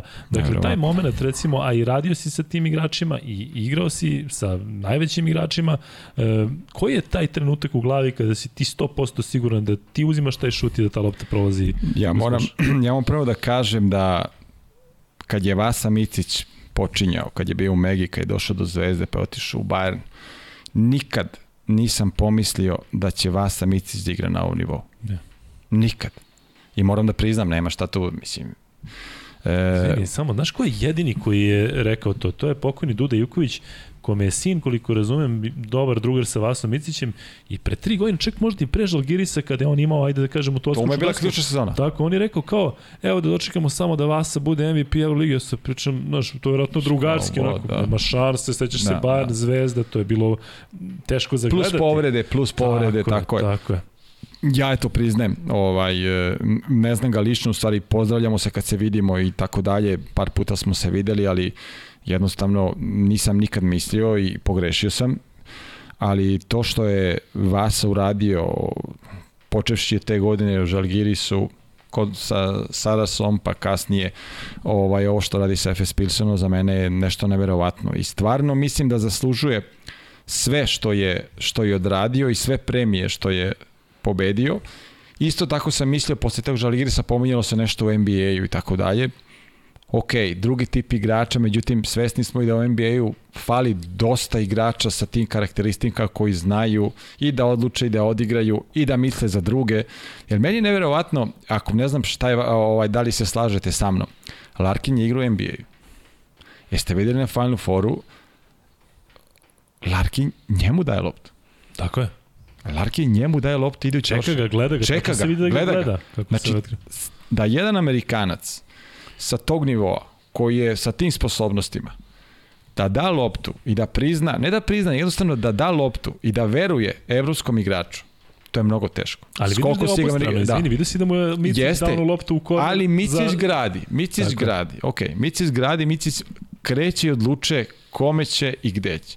Kako je Place dao ona dva mid-range-a, je li tako? Zato što mu je dao, tako je. tako je. Jednostavno, nikad nisam mislio, ali opet kažem, sve što radi, to je toliko zasluženo i toliko je izvanredno i mnogo mi je drago zbog toga što, što jedan naš igrač je opet postao dominantan u Euroligi. Pričamo o Jokić, to je, to je već druga dimenzija. Tako Da, e, pričamo o Bogdanović, to je već i... i mm, o, ipak nešto drugo. Da, te, ne ništa drugo, ali Vasa, ovo što radi, da svi, ali apsolutno svi, svi imamo neke favorite. I kad pričam sa strancima, ok, moj je favorit Španac ovo, ali svi kad kažu, ok, makar drugo ime je Vasa Micić. Jednostavno to je neverovatno i, i, i mislim nemam šta dečku da čestitam. Stvarno sam ono, da. da. pokazao je ono, baš je što bi rekli španci, idolo, znaš, sve da. što je uradio, ona trojka u polufinalu, neverovatno je. I za, za pohvalu to što je on dao tu trojku u polufinalu i onda je finale odigrao baš kako treba. Dakle, Tako nije, se, nije se ispucao, nije se izduvao, ali ajde ti si, recimo, ti i Teodosić imate to zajedničko, pa ste u isto vreme pričali o, o tome kako je bitno kad se pobede suete. A, da. da li je to možda ključno za, za Efes? Zato što zaista onaj, taj dečko Larkin sve pohvalan za njega, on stvarno nema nikakav problem da Micić uzme ako treba i pet šuteva za redom. Da li je to, to između njih dvojice u stvari naj, najbitnije? Mislim da je Nikola hteo da kaže rečenicu uh, uh kada američki igrač poštuje da. evropskog igrača, to je tvoj. Ja sam... Ali, kad, izvini, ozbiljan američki igrač, u smislu New York, Boston, da, dakle, da, on je tamo išao kao neko, je... njega znaju u Americi, kao nekog koji je trebalo da bude tipa Stefan Marbury, taj neki tako je, jasno, igrač. Jasno. Znači, govorimo o nivou. Ja u karijeri sam igrao sa par Amerikanaca u tom Charloa, ma, mahom su da. Amerikanci, imao sam upravo taj osjećaj. Ja sam se stalno, vra, kad sam se vratio iz Charloa posle te titule i kupa, uh, na pitanje kako je bilo, ja kažem, ja mislim, ja se osjećao kao bodiroga, znači uvijek mi je bio neko u, ko, ko, u koga veruju u koga veruju svi ti igrači koji su sa fizičkim predispozicijama ispred da, da, bolje, jasno, ali jasno. prosto poznavanje košarke je nešto što smo mi sačuvali i potpuno razumem šta kažeš i zaista se desilo to da je alfa i omega FSA jasno. u ovom trenutku na ovom Final Fouru i mislim sad zauvek onako e, bez obzira šta se bude dešavalo u Efesu bio i ostao Vasa Micić i divno je što je neki igrač sebi sebi jako teško je to američkim igračima da prihvate, ali podrediti se u tom trenutku igri i, i, i kvalitetu svog saigrača je nešto neprocenjivo. To sam ja spomenuo znajući, jer smo igrali ipak po klubovima kod kojih je igrali smo takva finala i takve utakmice da moraš jednostavno da suzbiješ svoj. Ja verujem da je Nikola, s obzirom da je bio drugi strelac italijanske lige, mogao da ima i drugačiju ulogu u reprezentaciji ali uloga bila ono što ti je bilo, jasno, jasno. što ti je bilo jer si, sa, jer si sa ponosom nosio dres i uradio šta god treba. I radio si mnogo prljavih zadataka. Pa samo prljavih samo zadataka. Prljavi. Ja reprezentaciju, znaš kako, u reprezentaciju ne možeš da uđeš da daješ u moje vreme. da daješ. Ja sam u mojoj ekipi dao po 25, ali dođeš, o sad Đorđević, Danilović, Bodiroga, koje gotovo oni daju po 30. I sad jedini način je bio da peglaš odbranu i da čekaš da te nađu kad si sami, to je to. E, meni je drago što je Nikola tu, zato što su meni spočitavali kako nikad nisam bio reprezentacija, a ja mogu da ubacim to i tebe. dakle, dakle, svi igrači koji su bili na tim pozicijama, plus igrač koji je bio fantastičan napadač, gde god je igrao davao je mnogo, a u reprezentaciji bio jedan od 12 tako momaka koji radi svoj posao. I 10, tako smo, 11 i 12. Tako je, tako je. I tako smo doživljali reprezentaciju. Uvijek sam bio na ivici, ono da, ispao sam dva bio... puta, samo ti kažem. Dobro, ali četiri, četiri puta. Četiri, četiri puta, puta četiri puta sam pravo od šest, četiri, dva, nije loš. Dobro, dobro, kako je loš. 66%. Tako. Da. E sad ja ne znam da li delim vaše mišljenje, ali jedan od najzbudljivijih stvari na ovaj, Final Fouru je bila činjenica da sam ja igrao u areni. svima, ne samo tebi. Ne, svima svim gledalcima i svima nama ne. Da. i odigrao sam taj Media Day, tako da imamo još jedan dres za našu kolekciju Odlično. koji će ostati ovde. Jel piše iza Kuzmanović? Ne, piše, pa zato zamisli si, kako si, ne, zato si okrenuo ovako, ih, da sam onako pa, nosio da. bi ga, da, i to naopako. Da. Ali ovaj, Nikola bilo je... je bio redovan na tim Media Day utakmicama. Tako ne znam, si igrao sada? E, Pa nisam više medija. Nisam, da, ali, ali mislim da, da, da ćete poznati svejedno, ali ti si bio tu, koliko znam, glavni. Ti MVP sam bio dva puta. Sam. I španska, da, španska reprezentativka na jedan od najboljih u A Maja Valdemoro. Da, Maja Valdemoro isto harala. Ja imam i Media Day NBA, uh, o, o, i imam Media Day Euroleague. So. Eto, mi sad imamo jedan dres ovde iz 2020. I nećemo ga pokrenuti. I nije se promenio, kako ja vidim, nije se promenio. Isti dizajn. Isti, da, samo fali taj. Ajde, samo na kratko reci kako je bilo. Šta beš? Ti... Ma bilo mi je drago, znaš, mnogo ljudi tu koji vole da, da, da Koliko si odigrao minuta? Se povredio nek? Povredio se, jeste jedan dečko se povredio iz Grčke. Klasika. Dobro da je samo jedan. Dobro sad je. Kutla izgleda fenomenalno, zaista, mislim, prosto. Dejan Tomašević je bio tamo. igrački, ne fizički, zato što... I fizički, da. ne, fizički izgleda kao momak, mislim, izgleda kao Nikola, nema, nema kilo Hvala više. za to. Ovo, ovaj, tako da bilo interesantno, u stvari vidiš naboj onih ljudi koji izveštavaju o, o, da. o svemu Nije bilo lako da pogode koš, neki su možda shvatili sada, neki su možda i dugogodišnji učesnici, u svakom slučaju jedno lepo druženje, proveli smo dva puta po 10 minuta, mislim da su svi uspeli da postignu poene i što je bilo interesantno, Deo Radonjić na jednoj klupi, e, kum Zvezdan Mitrović na drugoj. E, znaš, kad se podsjetiš, pošto je meni bio pomoćni trener u budućnosti, kad se podsjetiš onih vremena, mi smo se toliko dobro zabavljali, e, trudili smo se da pričamo na engleskom, da te sve te fore koje znamo, da, da i ovi ljudi, ljudi Ali su, teško Ne, ne, nije teško, stvarno su svi vištali od sveha, on je vikao, pa što ne igraš odbranu, pa sve na engleskom, znaš, pa, pa onda viče red, red. Red, red, da, da. svi se smeju na klupi. O, ali u svakom slučaju jedan, jedan lep događaj i kažem ti, nisam nastupao u areni, u naše vreme arena nije bila u najavi. Ja, nisam ni ja da- igrao u areni. Pa da, Sam, ja da sam taj medija da, da. Tako da, da su tvrdi, pretvrdi koši u areni. Uh, uspeo sam dva sa, sa, sa, sa pozicije Opa, centra da ubacim četiri poena, tako da spolja, dva skoka u napadu, s polja sam šutnuo jednom, da ne forsiram, Kutla je dao jednu onu prvu, kad je dobio i šutno, videlo se ona njegova da. mekoće ruke, tako da je bilo jako simpatično. I, Pričali su kolegi, naši komentatori, da Nikola stavljao po 20-30 na da, ja verujem, za 10 da, minuta. Da, da, da. Mikrotalas na ovo. E, a šta, šta je sad planirao da idemo? Pošto imam neke stvari iz prošlosti. E, ne, imamo da prošlosti još. još o, e, da, sa Nikolom, sa Nikolom imam da pričam pa, o delu za koji ste ne, neki od vas su to pitali, dakle taj Next Generation Tournament gde je bilo mnogo A, tih jeste, mladih da. igrača, dakle ja znam da Nikola jako dobro poznaje tu ekipu e, Madridskog Reala koja nije došla do finala zato što su naišli na Megu koja je da. osvojila. Ajde prvo da mi kaže, ajde da krenemo od njih. Dakle, E, ko ti je najinteresantniji u onom timu? Meni on je Henry Vesar još pre dve godine bio najinteresantniji, on vidim da je sad neki šest ili sedmi igrač u rotaciji, ja sam tad mogao da potpišem da će on biti sa onakvim šutom. Pa da, da, jest. Jel, jel, recimo taj Elin Andejaje, meni iskreno ovaj Sedi Garuba je nekako opet ograničen. On je, oni svi idu u Ameriku i Garuba već se spakao kod Borazera gore. Šta će u Houston da ide? Ne, ide da Aha, studira, ide. idu svi generalno. Je tako? Ide da studira, to sam čuo tamo od tih svih ljudi. Na koga misliš, izvini? Za na Garubu, Elija? na Garubu. Eli? Ne, se zna njegovo, da li se, da li se računa u... Iskreno ti kažem, ne znam da li se računa ili ne, ali ja sam video ovaj, meni najinteresantniji igrač tamo što se tiče neke budućnosti koji može da bude super zvezda ili će da ostaje da igra koša, to je Miller Baba. Ovaj, Kako je njegov sa imenom? Nešto Bart, Bartolome piše? Pa da, nešto, ja ali je Miller Baba. Baba da, da, da, da, to je isto. Miller Baba, svi ga znaju kao Miller Babu, tako da meni se on svidio. Onako, playmaker, eh, klasična ekipa Real Madrida. Klavžar je tu playmaker koji je najspremniji fizički, to on odlučuje gde će, kako će, šta će, on je drugi playmaker, ne znam kako se zove, Sebrijan, ali da, Sebrijan. da, Sebrijan ni igrao Njunjeth koji je njihova generacija bio je sa prvim timom, to je bila druga priča pošto bi vjerovatno bili ovaj ovaj malo što malo bliži ovaj osvajanju turnira, ali opet ništa tu nije onako specijalno što bi mi ovaj e, ali opet Real Madrid najbolje radi, najbolje radio zadnjih, ne znam, ja, 10 godina koji su to svi igrači izašli, svake godine izađe neko za prvi tim i to je fenomenalno, pogotovo to je šta, to je od četiri domaći igrači mora da budu u prvom timu, tako da svake godine se pojavi neki klinac koji može. Tu sećamo se ove godine bio zbog COVID-a, bila neka utakmica falo 5-6 igrača, pa su uči Garuba i Klaužar i odigrali su utakmicu, Real Madrid je pobedio, tako da oni imaju dobre skaute, dobro putuju i veoma dosta putuju po tim takmičnim malim turnirima, igraju dosta turnira, bez obzira da li je ovde, onde, oni ulože i idu čisto ne da bi osvajali turnir, nego da vide šta ima. Na primjer u Bugarskoj ili ne znam nijak gde na nekim turnirima. I to je to. Što se tiče ostalih igrača, meni lično se sviđa nekoliko igrača, sad ću ti reći, ovaj, sviđa mi se sino do mog bivšeg saigrača Risašera, Stefana Risašera, U dobru šajsu ima i Ma, baš onako mali visok. je dakle, fenomenalno. A popuno drugačiji tip, Risašer je bio levoruk On je šuter. bio, da, ja sam bio na dva, on je bio na tri. Levoruk je bio šuter. E, imao sam prilike da pričam sa ovaj e, malo sa Stefom onako čisto zbog zbog nekih nekih stvari. U februaru mesecu su bili ovde pa su svojili turnir u, u Beogradu. Da. On mi je dosta interesantan, ovako vidim ga i dve godine dana je mlađan 2005. godište. Da.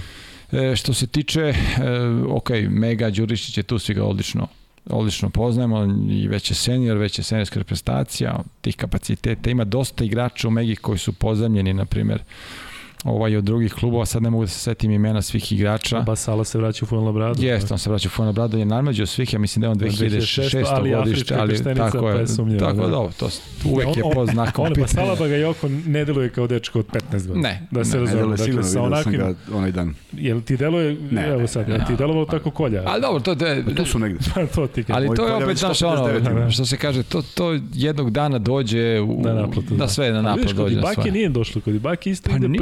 Priča, on čovjek je osvojio ide sve i oko svih priča, ali ja iskreno uopšte ne verujem u te. Ne, uopšte neću da razmišljam o tim pričama. Tako je, na, pa nemam, ne, Ne, ne, kažem ti ne, to je da- što je, to je dokument i, i generalno po košarci se vidi. Oni svi dolaze u nekom skromnom košarkaškom znanjem Tako je. u, u Evropu. I onda vidiš da li on ima prostora da napreduje, ako je stari, on napreduje polako. Da.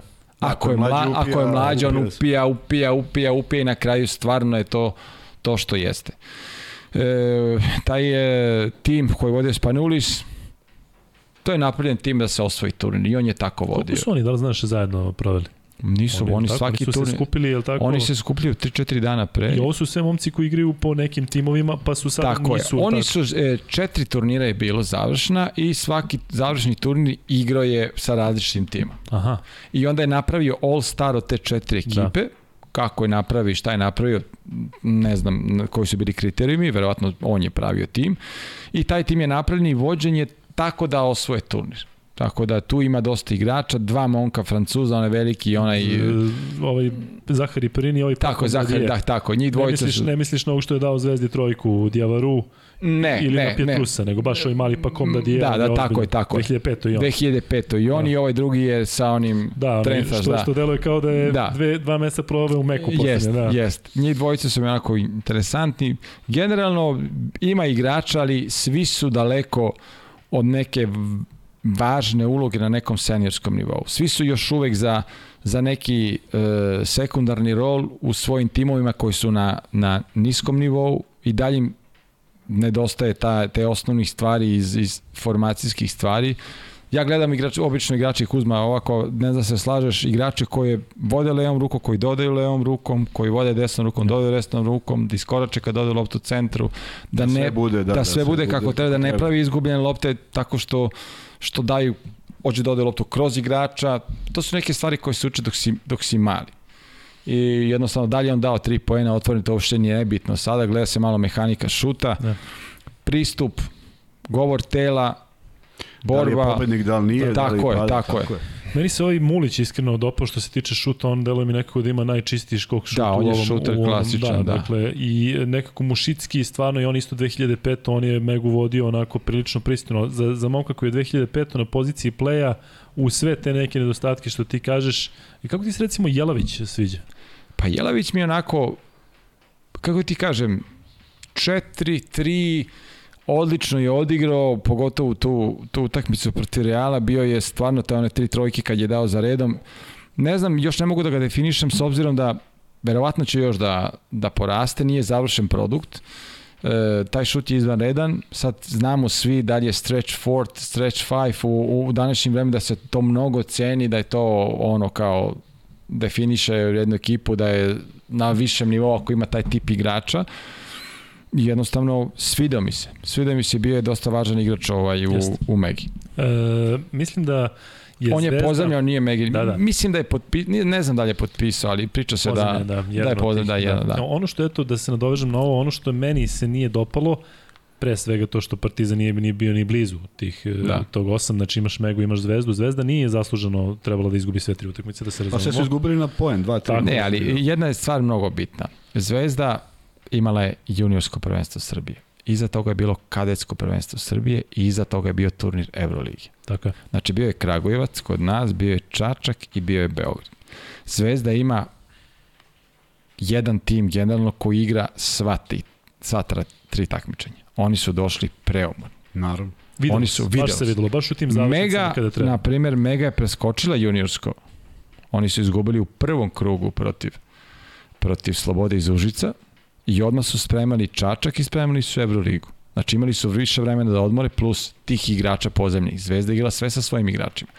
Mali Topić je polomio prst. Polomio prst, da. Polomio je prst. Odmah prva utakmica. E, vidi se da su svi ovaj ovaj Pavlović mali playmaker, on dečko je jedva disao na kraju. Yes. Mislim da Zvezda je došla u situaciju da da su preumorni bili zato što su ispoštovali sva takmičenja od Tako od je. tri nedelje za redom za momke tog godišta, tog uzrasta, tog da, uzrasta ne, to je da. neprihvatljivo. A meni su oni jači tim od Next Generation tima, kao tim i kao sve. Meni recimo sada kada bi u normalnim uslovima odigrali jedni i drugi, meni su oni recimo uh, kao ali tim bolji sa Topićem. Pazi, Zvezda, da, sa Topićem, ali, ali evo vidiš, Zvezda izgubila finale junior, uh, juniorskog prvenstva, polufinale juniorskog prvenstva Zvezda izgubila od Bosne Čačka. Ako se, ne, ne, Part, ne, dinamika. Dinamike da. pobedio Partizan, Zvezdu i Borac. Oni su izgubili polufinali. Izgubili su finali kadetskog prvenstva u Čačku od borca. I sad su, ok, ima tu dobrih igrača, ima talentovanih igrača koji će jednog dana možda, znamo da će svi da prođu, gde će da prođu, da dođu do zvezde, ali opet nije mi tu Topić je već debitovo za prvi tim Zvezde. I Lazar je. I da, Lazar je, da, da. da. Tako da, jednostavno, ima tu dosta igrača, ali opet mnogo je teško. Ja sam dosta protiv toga da, da već u ovim godinama stavljamo krov na glavom deci. Apsolutno. To se toliko Već promenilo, to, to, to, to se toliko promenilo. Da li može, ne može, on sa da li može, godina, da. kao ne može ovaj u 17 godina. Kako? Ne, ne. Da. Makar zaslužuje šansu. Kada da, pogledaš da. recimo neki igrači koji su postali danas što jesu, nisi ih video sa 17 godina. Imaš primjer u NBA ligi da nisu trenirali do 16 godina, taj Embiid ili već ne znam ko. Ali ono što je meni ipak treba da se ispotencira da je taj Makabi koji je zaista bio najslabija ekipa na turniru i da su Zvezda jedini igrali sa svojim igračima, domaćim igračima. Pudo, Makabi svi isti generalno onako, tako, tako da, da, ne, niko godinama ne niko se ne razlikuje. Ali Zvezda je jedina imala Mi, samo da kažeš svoje da. igrače, svi ostali su sam znaš kako je Lion imao sve svoje igrače. Ja mislim da je, da je onaj... Um, ja sam gledao isti tim u februaru i gledao sam Čekaj, isti tim. Čekaj, mali ovaj iz relacije kod... On je kod njih. Pa ja da. mislim, on je kod njih. I da. trenira sa njima, Jaki, nije pozad, da, on, je, da, da, da. Od, od smo stalno, da, da, od smo steli na tribinama stalno sa ovim... da. Ovaj, ali ja mislim da je on tamo sa njima ili ne znam da li da ga da, dovodi. Da, vidim da priča francuski, dakle, da, Tako jeste, je. On je... Uh, svi ostali, Real je sa svim svojim, možda bi to moglo da se iskoriguje malo, makar da daju na Ali, dva. Ali u smislu imaš osam, hoću da kažem da imaš u Realu osam stranih igrača, tako? Imaš dva, dva iz Slovenije, imaš e, Vesara, imaš... Pa da, imaš, imaš, ali opet da se to limitira malo na, ne Tako znam, je. da ima nekog smisla, mislim ima smisla i dalje, opet je to prilika i veliki izlog za sve te klince koje, koje po mom mišljenju dolaze već sa velikim pritiskom. Kako da ne? Sa velike ogromne I vidi se, vidi se, kada vidiš klupe, celu tribinu, ono gde znaš da su došli tebe da gledaju, a imaš možda jed, 10 minuta ili 12 yes. da se pokažeš kod nekih.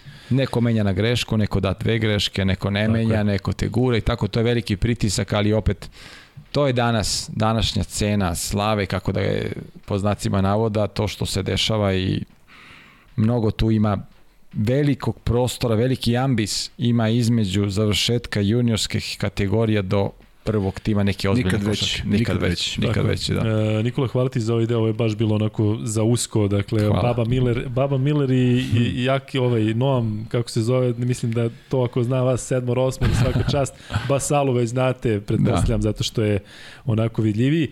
Hajde sada da, da e, još malo pričamo o aktualnim stvarima, to je NBA liga i onda ćemo da onaj poslednji deo posvetimo... Ili hoćeš poslednji deo da posvetimo NBA? Pa ajde NBA zato što je aktualni, a onda idemo Dobro, taj, ajde. taj uh, memorija... Onda se okreni ka Nikoli. Se, se, In memorial. onda se okreni ka Nikoli. E, Nikola, uh, znamo koliko dugo si se budio noću da bi radio posao koji, koji ja danas radim, koji Kuzma radi, ali tako, a s njim što ti ne radiš noću, ali uh, taj komentatorski posao, recimo, da ti nedostaje?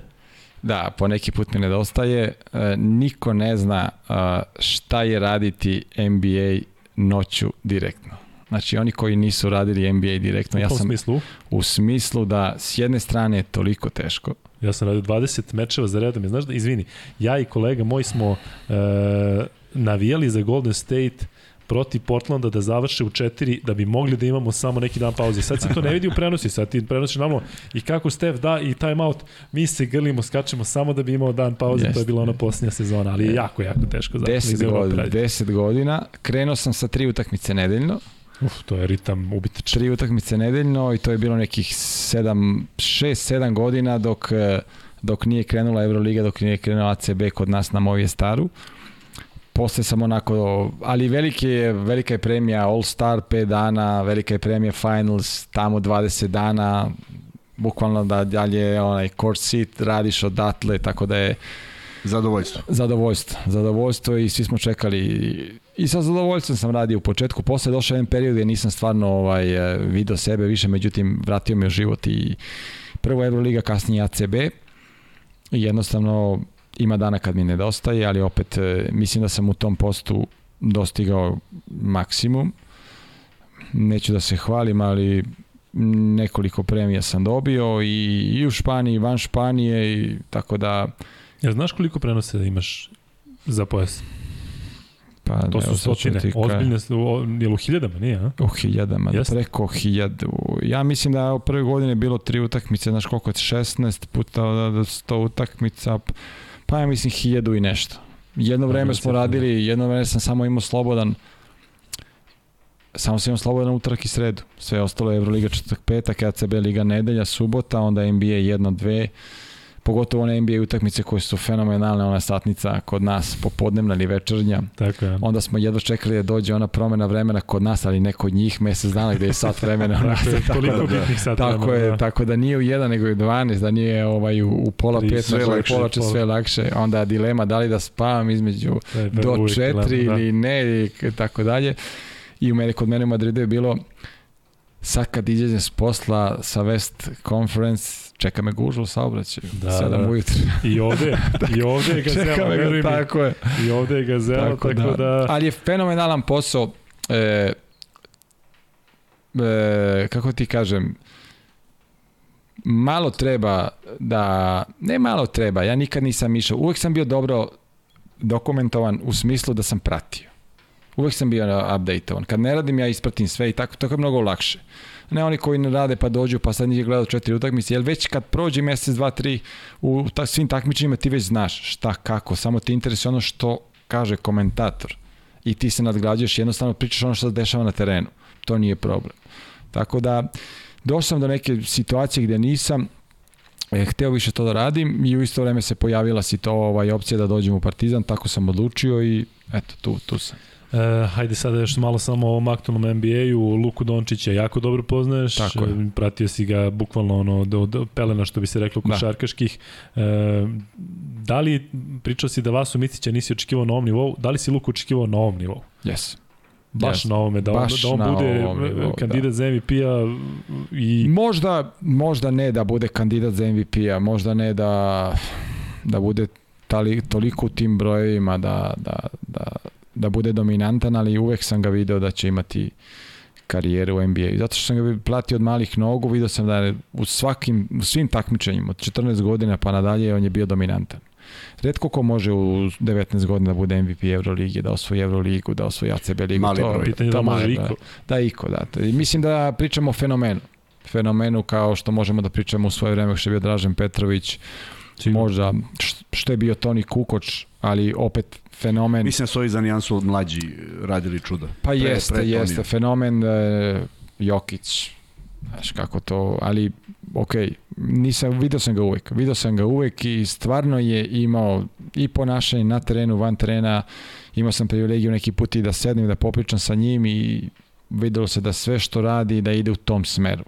Da je u tom smeru da je poseban i na terenu i na terenu i van terena e, da je poseban i da će to jednog dana da se reflektuje i na igru i na sve što bude njegovo okruženje. Vidimo da sad i NBA ikon, on je kako se kaže ikono, ikona. da ikona, ikona NBA zajedno sa i sa Jokićem i Antetokumpom i svim tim igračima koji su van Tako je.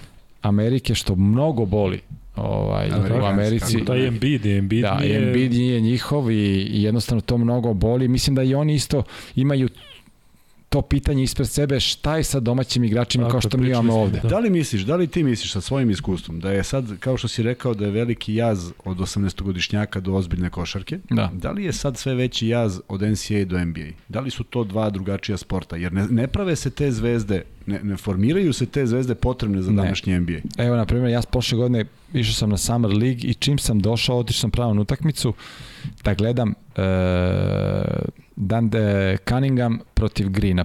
Jedan protiv dva na draftu. Ja sam se razočarao. Kako ne? Da, pa sećam se, tu smo svi Ja sam se razočarao.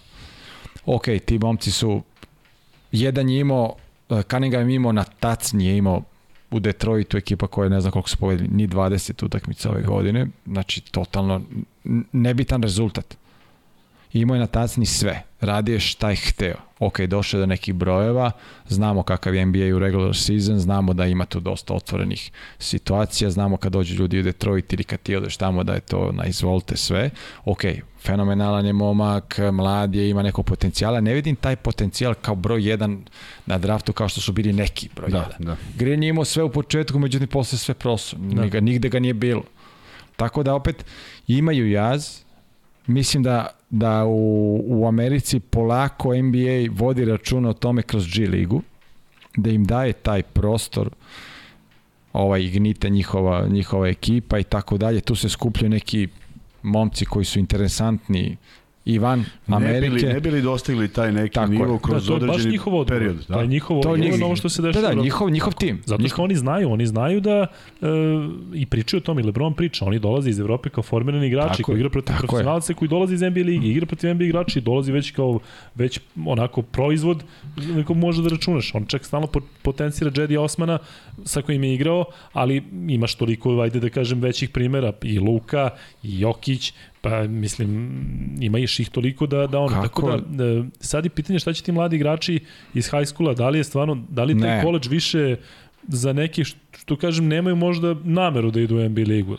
Ili znaš, imaš one koji kažu ajde jednu sezonu pa odmah posle toga izazinu. Po meni ja mislim da da je college i dalje dobar formacijski put za sve američke igrače i za sve koji hoće da idu na college, ali da to zadržavanje treba da bude malo duže znaš kako je kolor sezona, znamo koliko su limiti za treniranje, znamo koliko malo Tako je. utakmica ima, znamo koliko se mora da se uči, mora da se radi, ali to što se radi, ne radi se ono što bi trebalo da se Tako radi. Je, imaš predmete koje moraš da učiš koji su ti nema. Tako nas, je, ti znaš najbolje. da učimo teologiju uh, koja je imaš sad teologija podeljena na dva dela zato što je bio jezuitski koleđ, pa sad imaš teologiju kao istorije hrišćanstva i sama Biblija. I sad ja učim Bibliju na pamet. A recimo predmet istorija ili ne znam šta ili koji god predmet engleski, matematika, tu se zna da te pušta, ajde Just. vi ste košarkašice, potpuno im je sistem Tako je. besmislen. I mora malo više tu mora malo više, naravno. I zbog toga ne, do, ne dolaze spremni. Ja sam siguran da većina ili generalno skoro svi igrači koji su napred koji će da budu sledeće godine, evo u junu će da budu na draftu i prva i druga runda da bi u evropskim, u Euroligi uopšte ne bi bili značajni igrači. Ili da li bi bili uopšte? Da li bi bili deo rotacije? Tako je. Pitanje, da. Slažem I da li bi bili deo rotacije ne fizičko kvaliteta i kvaliteta individualnog, nego da li bi bili deo taktičke. Ko trenera i dalje njihova individualna taktika dovoljno za neki evroligaški tim koji hoće da bude na primjer u top 8. Ne verujem da ima jedan. Da. Slažem se s tim. E, momci, ajde, u stvari da te prvo samo pitam još da Jokića. Jokić back to back MVP titule, da. prosto neverovatno, ali nekako kad god se priča Jokiću, uvek se sledeće potpitanje da je igra u timu koji je bez njega najslabiji u ligi. A, to su gluposti po meni, jednostavno igrači, svi koji znaju to, ja mislim to pišu ljudi, uh, uglavnom, ok, ja poštujem sve koji, koji se bave, koji pišu, koji pričaju i tako dalje, to je respekt e, za mišljenje, ali ja mislim da oni jednostavno nisu upućeni u to šta treba uraditi da jednu ekipu koja po meni, evo zamisli sad na primjer FS Pilsen bez aj nećemo da, da, da skinemo na primjer Micića, da bude Micić bez Larkina i na primjer da bude bez ko je treći najvažniji igrač u Efesu? Singleton recimo. Singleton, recimo. Eh. Da ga izvučeš, da li bi oni tu sad mogli nešto da urade i tako dalje i tako dalje. Iz Barcelone da izbaciš ne znam, da izbaciš Davisa, da izbaciš eh, playmakera iz Reala i tako. To je jednostavno nemoguće da on šta je uradio sa tim igračima i svi znamo kakvi su kvaliteta ti igrači koji su igrali sa njime ove godine, da on bude prvo u play-offu da bude na zapadnoj konferenciji koja je po meni ok. Ovo je isto, istok je se, da. iznenačilo se, istok se iznenačio, ali jednostavno u tom ritmu u toj košarci koji uopšte nije a, a, tipična za njega, da se on adaptirao na to vrstu košarke, jednostavno da on Znaš ono kad su stari igrači pričali u, u NBA-u, e, kad odeš u penziju, nemoj da ostaviš igru onako kako si je zatekao. E tako, to su oni ljudi koji su promenili igru. Tako promenio je igru 60-ih, Bill Russell je promenio igru, kasnije su došli igrači koji su menjali igru, onda ja se sećam, pričam stavio se sećam, došao je Magic, došao je Larry Bird, oni su promenili igru, došao je Michael John je promenio igru, posle su bili Shaq, bio je i Kobe Bryant i oni su promenili igru, Hakim je promenio igru sa dve godine, back to back je napravio i kasnije su došli San Antonio koji su promenili igru i sve su to bili trendovi u određenom trenutku, koji su promenili. Onda došao Stephen Curry i sad svi igraju kao što je on da, kao... promenio igru. Da. Igrati u tom sistemu i biti Nikola Jokić, to je neshvatljivo. Da. To je neshvatljivo, on je promenio svoje telo, on je promenio sve, on je radio sve. I on to, pored sveh tih ti promena, on sve to drži malom prstu. I dominira. I njima je najteže u, u Americi, svim tim ljudima koji onako pišu, ne protiv njega, nego jednostavno koji stavljaju te znake navoda, njima je najteže što, što ona svaku situaciju je adaptiran i on sve prepreke koji su ispred njega, on ih preskače bez problema. I ne obazira se nešto mnogo. Ne, i živi u svom svetu, da, što je najvažnije, da. ne obazira se, njega ne interesuje, što oni pričaju šta oni rade i to se vidi sa ovim gestom što su svi došli iz Denvera, koliko oni njega cene, koliko ga vole, taj pozdrav njega i kouča, mislim, yes. oni su, Ja nisam vidio, ti znaš kad je u Americi, kad se vidiš nekim daš mu zagrlje haga, ali neko da te poljubi u obraz i tako da. To, to je nemoguće. To je nemoguće, da, da. Zna, to Pitanje je, da. koja, kakva je bila karijera Majka Malone da nije Nikola Jokića. Dakle, ja poštujem njega kao trenera, ali... Ma, pogodilo se i njemu. Saigrači, to... toliki broj saigrača, ti imaš primere, recimo iz Denvera kada odu, kada su tradovani sa Jokićem su bili onako ozbiljno na radaru, kada odu negde, bukvalno nestanu, mislim ima toliko primera, e, tako da, što ti kažeš, mislim da je Nikola dao najbolji vidi u kakvoj ekipi je, dakle, Jordan, Bird, Magic, to stvarno više ne, ne zvuči kao da mi dižemo Nikola Jokića zato što Ma, naš. Uzdi, kakvi, uzdigo se i tu je okay, i samo e, mogu ima da... ona e, statistika koja nije bila možda u to vreme, koja se sad reflektuje na njihovo, na njihovo vreme, ok, ali danas nije samo u košarci, svet je napredao u svemu, nije Tako. samo u sportu, sve se promenilo sve jednostavno, ali po meni sa, sa, sa igrom i sa svime što što radi, on pripada toj grupi igrača. Govorimo o tim igračima koji drže košarku u malom prstu tako i svaku je, situaciju reši na najbolji način. E sad, desilo se sa Antetokoupom, verovatno Jokić sledeće godine igraće manje minuta, koncentriše se na playoff, koncentriše neke ozbiljne utakmice, neće više da, da bude na terenu toliko minuta da bi pravio broje da bi bio MVP i tako dalje i to je neki sledeći korak koji dolazi sa tim novim ugovorom da se sa dvojicom igrača koje fale da se napadne zapadna zapadna obala kasnije da se dođe u NBA da, Finals. Podrazumeva se, mislim sad da sa njim to, je, to su koraci koji koji su svi prošli dakle, veliki igrači. Dakle i Jordan ljudi zaboravljaju prvi prvi deo karijere Michael Tako Jordana koji je bio glavni, ali samo na statistici nije motiv. Tako je. I kasnije se složilo. Dobro, momci, ja ću sad vas da pustim da malo pričate da oh, Lane. Wow, hvala, da. Dakle, e, samo ću početi. Dakle, Nikola, e, pričao si o Željko Bradoviću, e, tebi su se puti preplitali sa njim, ja sam ću ovo da spustim, ali kada su gosti tu, ja zaista ne želimo da spremamo ono što već znamo, to je da. to. E, tebi on bio saigrač, pa trener, pa se sve, pa toliko sve. puta Da li ne, možeš da, da pohvataš gde ste sve bili? bili Mogu, ima, ja to imam sve memorisano u glavi e, i znam svaki svaku godinu, da ne, ne preterujem sad i da ne pričam da svaku utakmicu, svaki moment, ali jednostavno e, od 89. kad sam došao u Partizan, pa do eto 2000. godine kada, kada sam ispo iz te reprezentacije, znači koliko toliko svake godine smo imali neki neki i dalje on bio, ja sam njemu bio saigrač, da li mi je bio trener u Partizanu, da li mi je bio trener u reprezentaciji, da li mi je bio trener u Real Madridu, kasnije bio selektor uh, kad je Duda Ivković otišao 95. je Breželjko prelaz 96. Jednostavno, ne, svima pričam, e, moj košarkaški otac, da nije bilo Željka, sigurno ne bi bile ni moje karijere. E, hiljadu puta sam rekao da, da se ne ponavljam, da sam veoma zahvalan na svemu što je uradio za mene, moju porodicu i eto, mislim, šta više da kažem, da jednostavno, da nije bilo njega, ne bi bilo ni mene, ni moje karijere, tako da ovaj, devet puta Euroligaš osvojio je šta mislim ne ne ne, da, ne, ne, ne, mislim, ne, reči, ne, ali nemam reči si, ali da. opet je... mislim da nema igrača koji je ili bilo koga koji je sa sa Željkom imao toliko uh, pa da. uh, preseka na različitim nivoima reprezentacija tim jedan tim saigrač dakle i prelazak koji je bio vrlo ne mogu kažem diskutabilan nego nije ti bila laka pozicija u Realu ja se sećam da si ti igrao samo ja sam bio treći Evrop, stranac treći i samo stranac, sam igrao tako. samo špansku ligu tako, e, to, samo špansku sam ligu igrao to se to je bilo veliko iznenađenje za mene. Sećam se da je to bilo 95. godine kada se reprezentacija vratila na scenu sa mogućnosti da kroz kvalifikacije u Bugarskoj odigramo evropsko prvenstvo. Da smo da preživjeli protiv da, Bugara. tako je, i protiv Bugara to je bio ono, ja sam bio deo reprezentacije, bio sam u tih 14-15 igrača, bio sam non stop, ali na kraju krajeva sam bio višak, nisam otišao.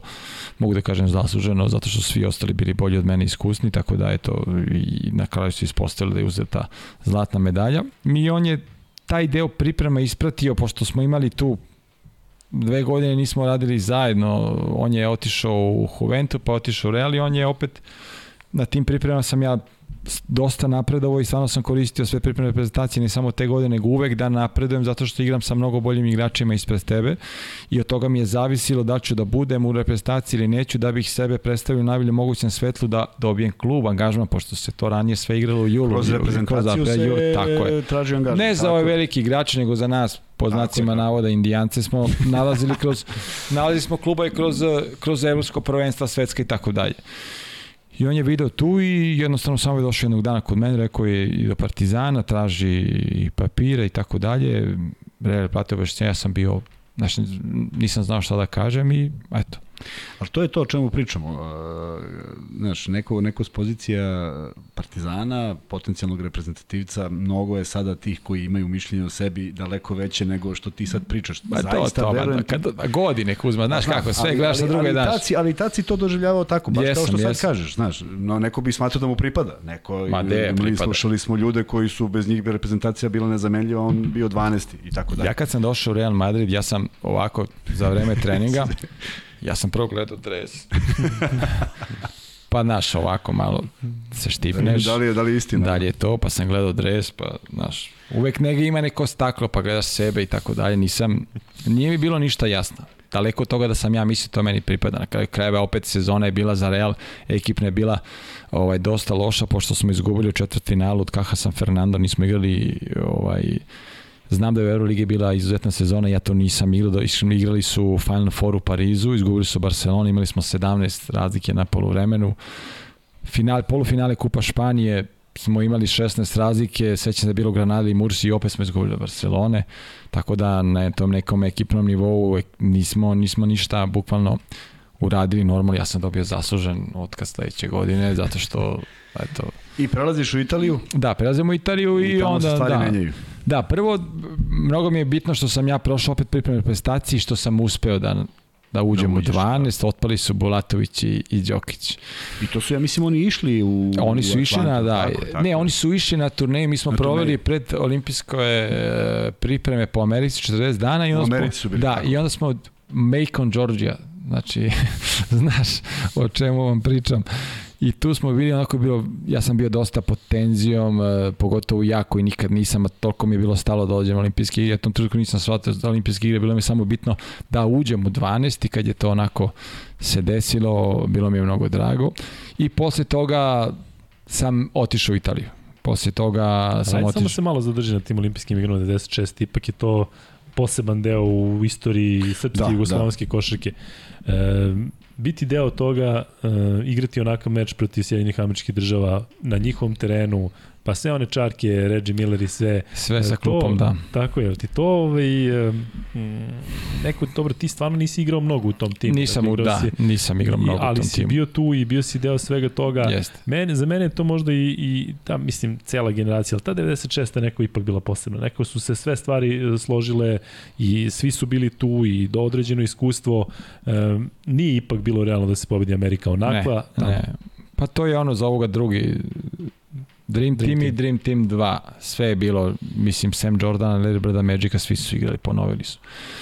Mm, nije bilo realno prvo da, da prvo polovreme bude onako.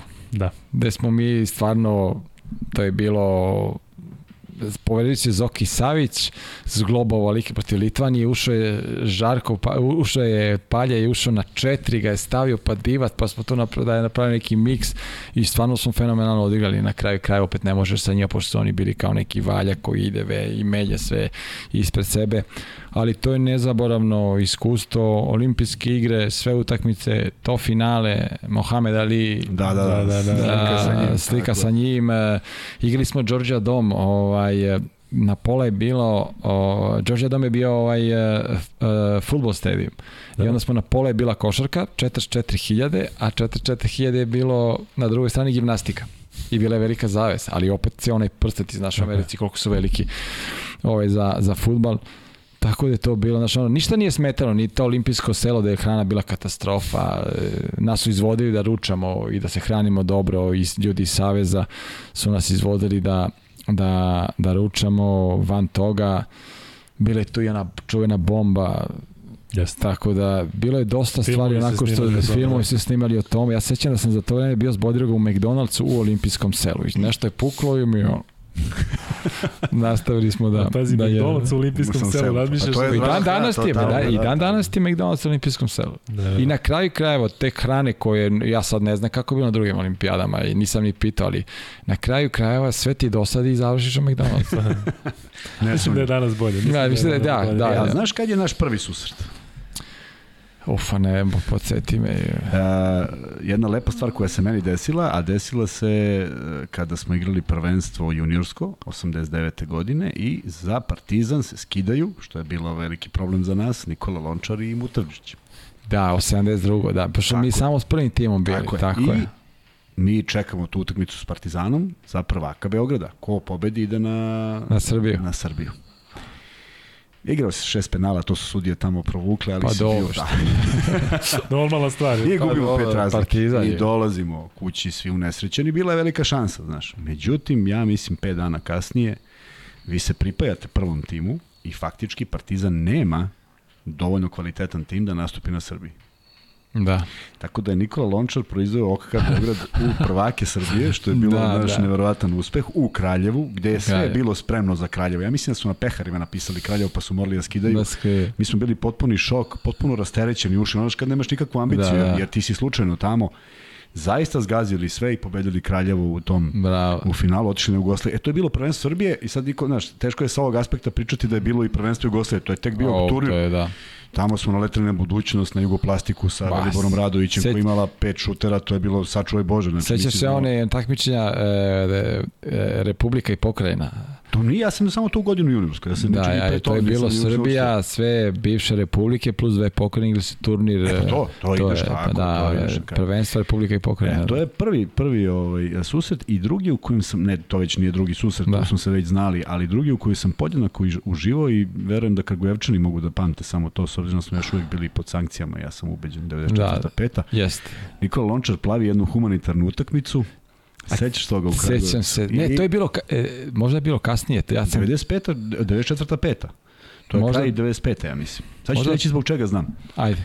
Zato što je ovaj, napravljena reprezentacija Srbije i onaj američki tim koji je došao da igra, neki da, da, da, slobodni da, da, igrači, da, da, da. on pravi humanitarni susret u dvorani Jezero. Hama, da.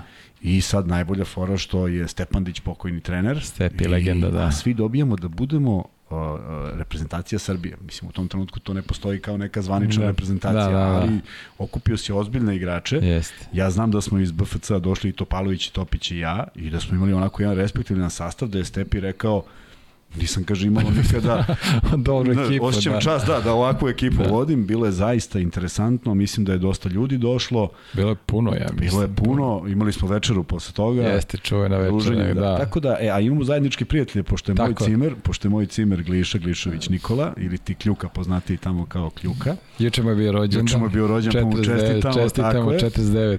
Ove, uh, on je stalno pričao o Nikoli i tako smo i napravili taj neki kontakt, jer da. smo se poznavali više preko njega, ali jedan, jedan, jedan biser samo s njim, pošto ga Nikola zna od rođenja, verovatno. O, ja ulazim u hotel Vojvodina, potpisan za BFC, BFC da. i nije mi rezervisana soba, a sajam je u Novom Sadu i ne postoji nijedna soba. Ja kažem, dobro ljudi, ali ima neko, neko iz BFC, prespavaću, mislim, nije problem. Da. Pa kaže, ima neki Glišović. ja na vrata, on na telefonu vuče onaj kabel na telefonu, drži fiksni, fiksni jednom rukom, da. I ja iz zajebancije kažem, gde si Johnny? Da. On kaže, e, gde si? Nikad se videli nismo, znači, mislim, ja samo znam da se on zove Nikola Glišović. On je na vezi s našim zajedničkim drugom iz Novog Sada, koji ga pita, s kim pričaš? A ja se obrio, baš sam bio onako da. koji neki ćelavi mi ušao u sobu, ću ga oteram sutra. mi smo, mi smo da. tri godine bili nerazdvojni iznajmili smo stanove, dobili smo svako svoj stan, ali onda od, od samoće kažeš šta radiš, ajde dođem kod tebe. Da. Tako da ta veza s tobom je trajala kroz te ljude. Jeste, jeste. Jer su, jer su u suštini, znaš, jako su, jako su dugo vezani i znaju kakvi smo i znaju da, da to da, pripada jednom društvu i, i Nikola i ja se nismo viđali dugo, ali ostao mi u sećanju ono u Madridu. Jeste. Uh, Sale, ti, Tarlać, uh, znaš da smo se družili po jedne utakmice, uh, Tabak, Sedeli smo u nekom restoranu negde. Ja Eš, koliko sam ja, sedao sam i s njim. da, tako da je bilo mnogo lepih susreta koji nisu, nisu, naš, nisu bili direktno na terenu, a da. igrali smo to lepo jednu, jednu sezonu, 94. 95. Jeste, jeste. 1-1 u, u, u skoru, Partizan je već obezbedio prvo mesto te jeste. sezone, ali su došli u Novi Sad, odigrali smo onako baš jednu divnu utakmicu i što je interesantno, ovaj, uzeli ste te godine, ali tako, to je protiv Borovice. Duplo kronu smo uzeli, tako, to je posle ne znam ja koliko godina, da, ali to je bila ona liga sankcije. Ali prethodna, da. prethodna je bila šok, prethodna je bila šok da. za Partizan posle 7-0. 7-1 sa Zvezdom i 4-1 u finalu, da, da. ali su oni vratili dve godine za redom Saša Obradovića i da li izli da, može, da, da li dakle, Sale bio nevjerojatno. Tako da, ono što se priča, uvek, uvek se pojavi gost koji mu imamo ovaj, uspomene kako da ne, s obzirom da smo, da smo, da je i Nikola trajao toliko i da kažem, jako lepe uspomene iz onog perioda kad smo mi bili, kad sam ja bio indijanac jer sam ušao u prvi tim što ti kažeš. Pa dobro, jasno je, svi smo bili u svom, Svi smo bili, e, ali to znaš, to neko drugačije gleda, a ti si pa, uvek no, bio, no. bio onaj momak koji se uvek javi, koji deli isti, istu dvoranu, koji igra, jeste, igra višu ligu, ali nekako mnogo mi bilo drago kad sam imao prilike da, da, da igram protiv tebe, makar toliko kratko, pratio tvoju karijeru i kažem ti, susretali smo se tu i tamo, yes. ali mi je posebno drago što imamo zajednički prijatelje koji su Jeste, i dan danas. neviđeni ljudi, da, i ko, s kojima stvarno... I dan danas mi kaže, ovaj, Kljuka kaže, te zvao Kuzma? Tako jeste, jeste. Da, pa naravno, tako da... da Imam ja jednu za 97. Ti si bio u reprezentaciji 97. Yes, u, u Barceloni. E, ja sam to Salatu Đorđeviću rekao jedno 20. godina kasnije, kada smo se srali baš u Španiji. I rekao sam, da li se sećaš šta ste uradili za nas? Dakle, 97. ste vi osvojili ono evropsko prvenstvo na zaista poseban način. Seća se koliko je falo da se ispadne u grupi, pa na kraju da, da, da, da. sve. I to je zaista bio nevjerovatna hide. Sad, u Španiji. Mi to nismo znali. Odabrano nas 10 da ode na salata u kampu u Barcelonu odmah dan nakon evropskog prvenstva. I ta DC10 kom ste vi došli, mi smo njom otišli. Odavde, kažem ti, 15 godina sam tada imao, nas desetorica, od toga osmorica imamo zajedno u, u džepu 15 maraka. I um, odemo tamo na, na kamp Salata Đorđevića, gde smo bili takve zvezde, nas su, mi nismo znali šta se dešava, ovde treniraš u sali bez grejanja, 97. Da. I onda odeš tamo, dočekujete, trubači te dočekuju sa niko ne zna, s mesečinom te dočekuju na aerodromu, mi klinci. Mi se gledamo, čekaj, da nisu ovi naši, dešava, da. da. prvi put letiš avionom i sve, i dočekujete tamo i sada je bilo već, da li je, bila, da li je bio doček ili šta je već bilo. I Sale je odmah sutradan došao kod nas i tamo je bio sa nama i bukvalno nam je bio kao stariji brat, ajde da kažem, e, reću jednu stvar, neće zameriti sada zašto sam mu to rekao, svi, bila je tu i njegova supruga i sad mi klinci, svima nam se dopadalo šta je jedino žensko. U, Seka, u, da. celom, da. u celom olimpijskom selu, mi smo tamo bili smešteni, tamo je bio da. njegov kamp i sad bilo je priče kao, evo, mi smo sad smešteni gde je Dream Team, a ono kreveti neki, da kao ovde spavao Robinson, ovde spavao Jordan, kao nema veze sa da. životom. Ali ovaj, hoću da kažem, baš ovo što ti priča za Nikolu, uh, imam ja posle da kažem nešto kako su gledali tamo u Barceloni na njega 97. Ali ovaj, uh, taj Sale Đorđević je tada bio, mogu da kažem, na vrhuncu karijere, 95. 97. sve. On je dolazio tamo sa nama bukvalno svaki detalj. Sećam se da, da, da kažem ti, tipa, da li ste jeli tamo, sad imaš onu veliku Vodio računa, da. da. Ali kažem ti, stvarno to nije trebalo. Znači, kažem ti, mi smo tamo dobili po dva para patika, niko nije imao ni jedan par patika dok nismo došli tamo. Oni, kažem ti, sve što je trebalo. I sećam se, ja ostanem sa nekim, šta su bile, pezete tada, tako? Pezeta, da. pezete su. Ja sad nešto ostanem sa nekim pezetama, tata mi dao 50 marka, ono posljednjih i rekao, sine, varati ako možeš. I ja dođem kod Sale, kaže, Sale, ajde, razmenit ću ti ja, kao, da ne moraš da u meničicu. I sad računam, i kaže moj mojima, jebote, zajebam me stale, sale za 100 maraka. Kaže, stvarno, pa kaže, nije valjda takav čovjek, razumiješ se. A on je meni, tipa, ono, zamenio za 200 maraka više ili ne znam šta. Ali se ti pogubio. Ne, pa naravno, pezete, sećaš se kakve su pezete. A Nikolu, sad tamo sve naše znaju, oni su tamo heroji, dakle, oni su tamo zaista bili superstarovi kao reprezentacije koje je svojila. I sad meni, koji god mi je priča, kaže, Nikola Lonček kao, Real Madrid, ali dobar igrač. Znači, nevjerovatno da kod njih postoji to da yes. da kaže, pa da. vrhunski igrač, ali kao nijemo, Real Madrid ipak su oni neka druga dimenzija. Da, ja sam da. tek tad osetio da još negde postoji kao između Zvezdi i Partizana, da ti stvarno ne gledaš kao neprijatelje. Tako da ovaj, deo svega toga hvala ti na tom folkloru koji smo mi imali tamo i mi smo osvojili sve i neke da. turnire i sve. Tako da, ovaj, da to je možda i najlepši period, period. I niko iz te generacije iskreno nije postao, da kažeš neki, mislim, Bane Mirković je možda igrao neku, neku košaku VTB ligu, niko i recimo tih 10 nije postavljen. A, a apropo onoga što pričamo da recimo od ovog da, Generation turnira toga, pa naravno, imaš to i po 12, mnogo toga da se pokrepi. 12 superstarova imaš u svakom timu, ako troje Ali budu vidi, na nivou. Ali vidi šta je, ono što pričamo kroz sve naše podcaste. On je već bio u Partizanu. I svaki taj uspeh, tvoja reprezentacija, tvoj Real doživljavao si kao, kao nešto neverovatno. Da. Imao si taj razvojni put, gde, gde nisi krenuo iz Kragujevca i rekao sad ću jednog dana da igram neku ligu i da budem. Uh, hoću da kažem, prošao si mnogo toga na onaj naj, naj, naj, najbolji mogući način. Yes. Gde si se podmetao, da si igrao ne svoju ulogu, da si možda zavideo nekom što igra, ali si našao svoje mesto i yes. tako si i prošao. E, to je ono što je tajna. Imao sam sreće isto, I to je sreće, mnogo. Pa, naravno. A, pa dobro, možda se potrefi tako, ali... Znaš šta, klinci danas, na primjer, u naše vreme, mogu da kažem, e, klinci danas, ok, imaju igrački kvalitet, imaju fizičke sposobnosti, imaju sve, ali nemaju životno iskustvo. Ok, životno iskustvo sa 18-19 godina, ok, je dosta skromno, ali nemaju ga onako kako smo mi imali. Tako je. Tako je. Jer to je mnogo bilo bitno da neko ode od kuće s 16 godina, da živi ja. sam, da okruženje mu bude niko nego moj trener, moj, da, moji saigrači na treningu, da oko toga moje okruženje su dali... Prepušten si samom sebi u najboljem je. smislu. I, da, sam hvatao sedmicu, devetku ili jedanesticu da idem. Zavisi. Tako je, 45 pa da. sam te hvatao iz blokova da idem na trening na Novi Beograd. Prve godine smo dve igrali u hali sportova, kasnije smo u Pionir. Tako živio sam na okretnici ovaj, tramvaja na Novom Beogradu. Ja nisam došao ja sam pre dolaska u, u, u Partizan, mogu na prste da prebrojim koliko sam puta bio u Beogradu. I sada dođem sam, bez roditelja, da živim u Beograd, onako bio je veliki izazov za mene i za, za moju porodicu. Pritom, proputao sam dosta sa reprezentacijom Jugoslavije.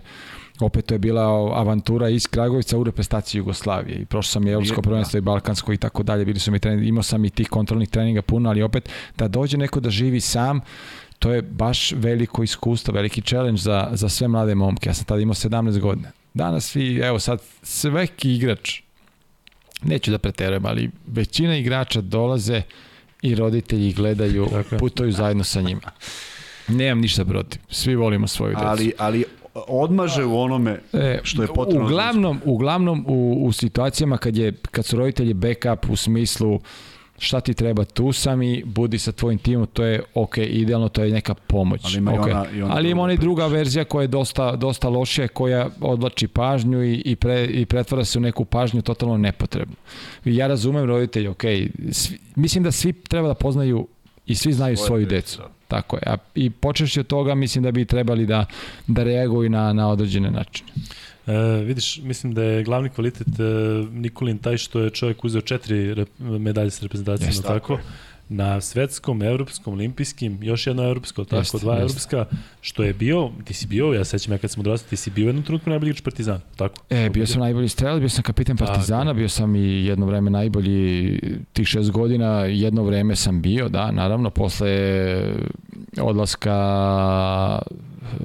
tu godinu kada je otišao Željko u Juventus, dobio sam kapitensku traku, otišli su i Koprivica i Dragutinović i posle, eto, Ne, Možda je bio neki, on... na kraju je bio neki pad, ali opet e, generalno sam bio prisutan od tih svih šest godina i kasnije ta druga druga epizoda u Partizanu kad je bio Dule kad sam završio karijeru pa je, sam se vratio za neki 5-6 meseci i tako dalje, ali to je bilo onako da. dosta bezuspešno. Da. E, ali kažem ti on koji je bio prvak Evrope s Partizanom, četiri e, medalje s reprezentacijom, jedan od najboljih strelaca u svim ligama koje si igrao. Jeste. I kažem ti za sebe tako kaže, ma, mi da, smo pa, indijanci, pa, znaš. Pa bilo jeste, bilo je možda dvoje, troje bolje, boljih od njega, ali na nivou Ali to je stav, Evrope. to je stav koji mu je znaš, pomogao da, da, da napravi što je najbolje. Prosto nevjerovatno. A generalno, na primjer, ja sam e, ima i poštujem e, sve koji, koji, koji pričaju o sebi, koji ne pričaju, ali Znaš, kad uđete kod, u, u, kod nekog u kuću koji je bio, na primjer, kod mene u kući nema ni jedan moja slika kad sam bio igrač.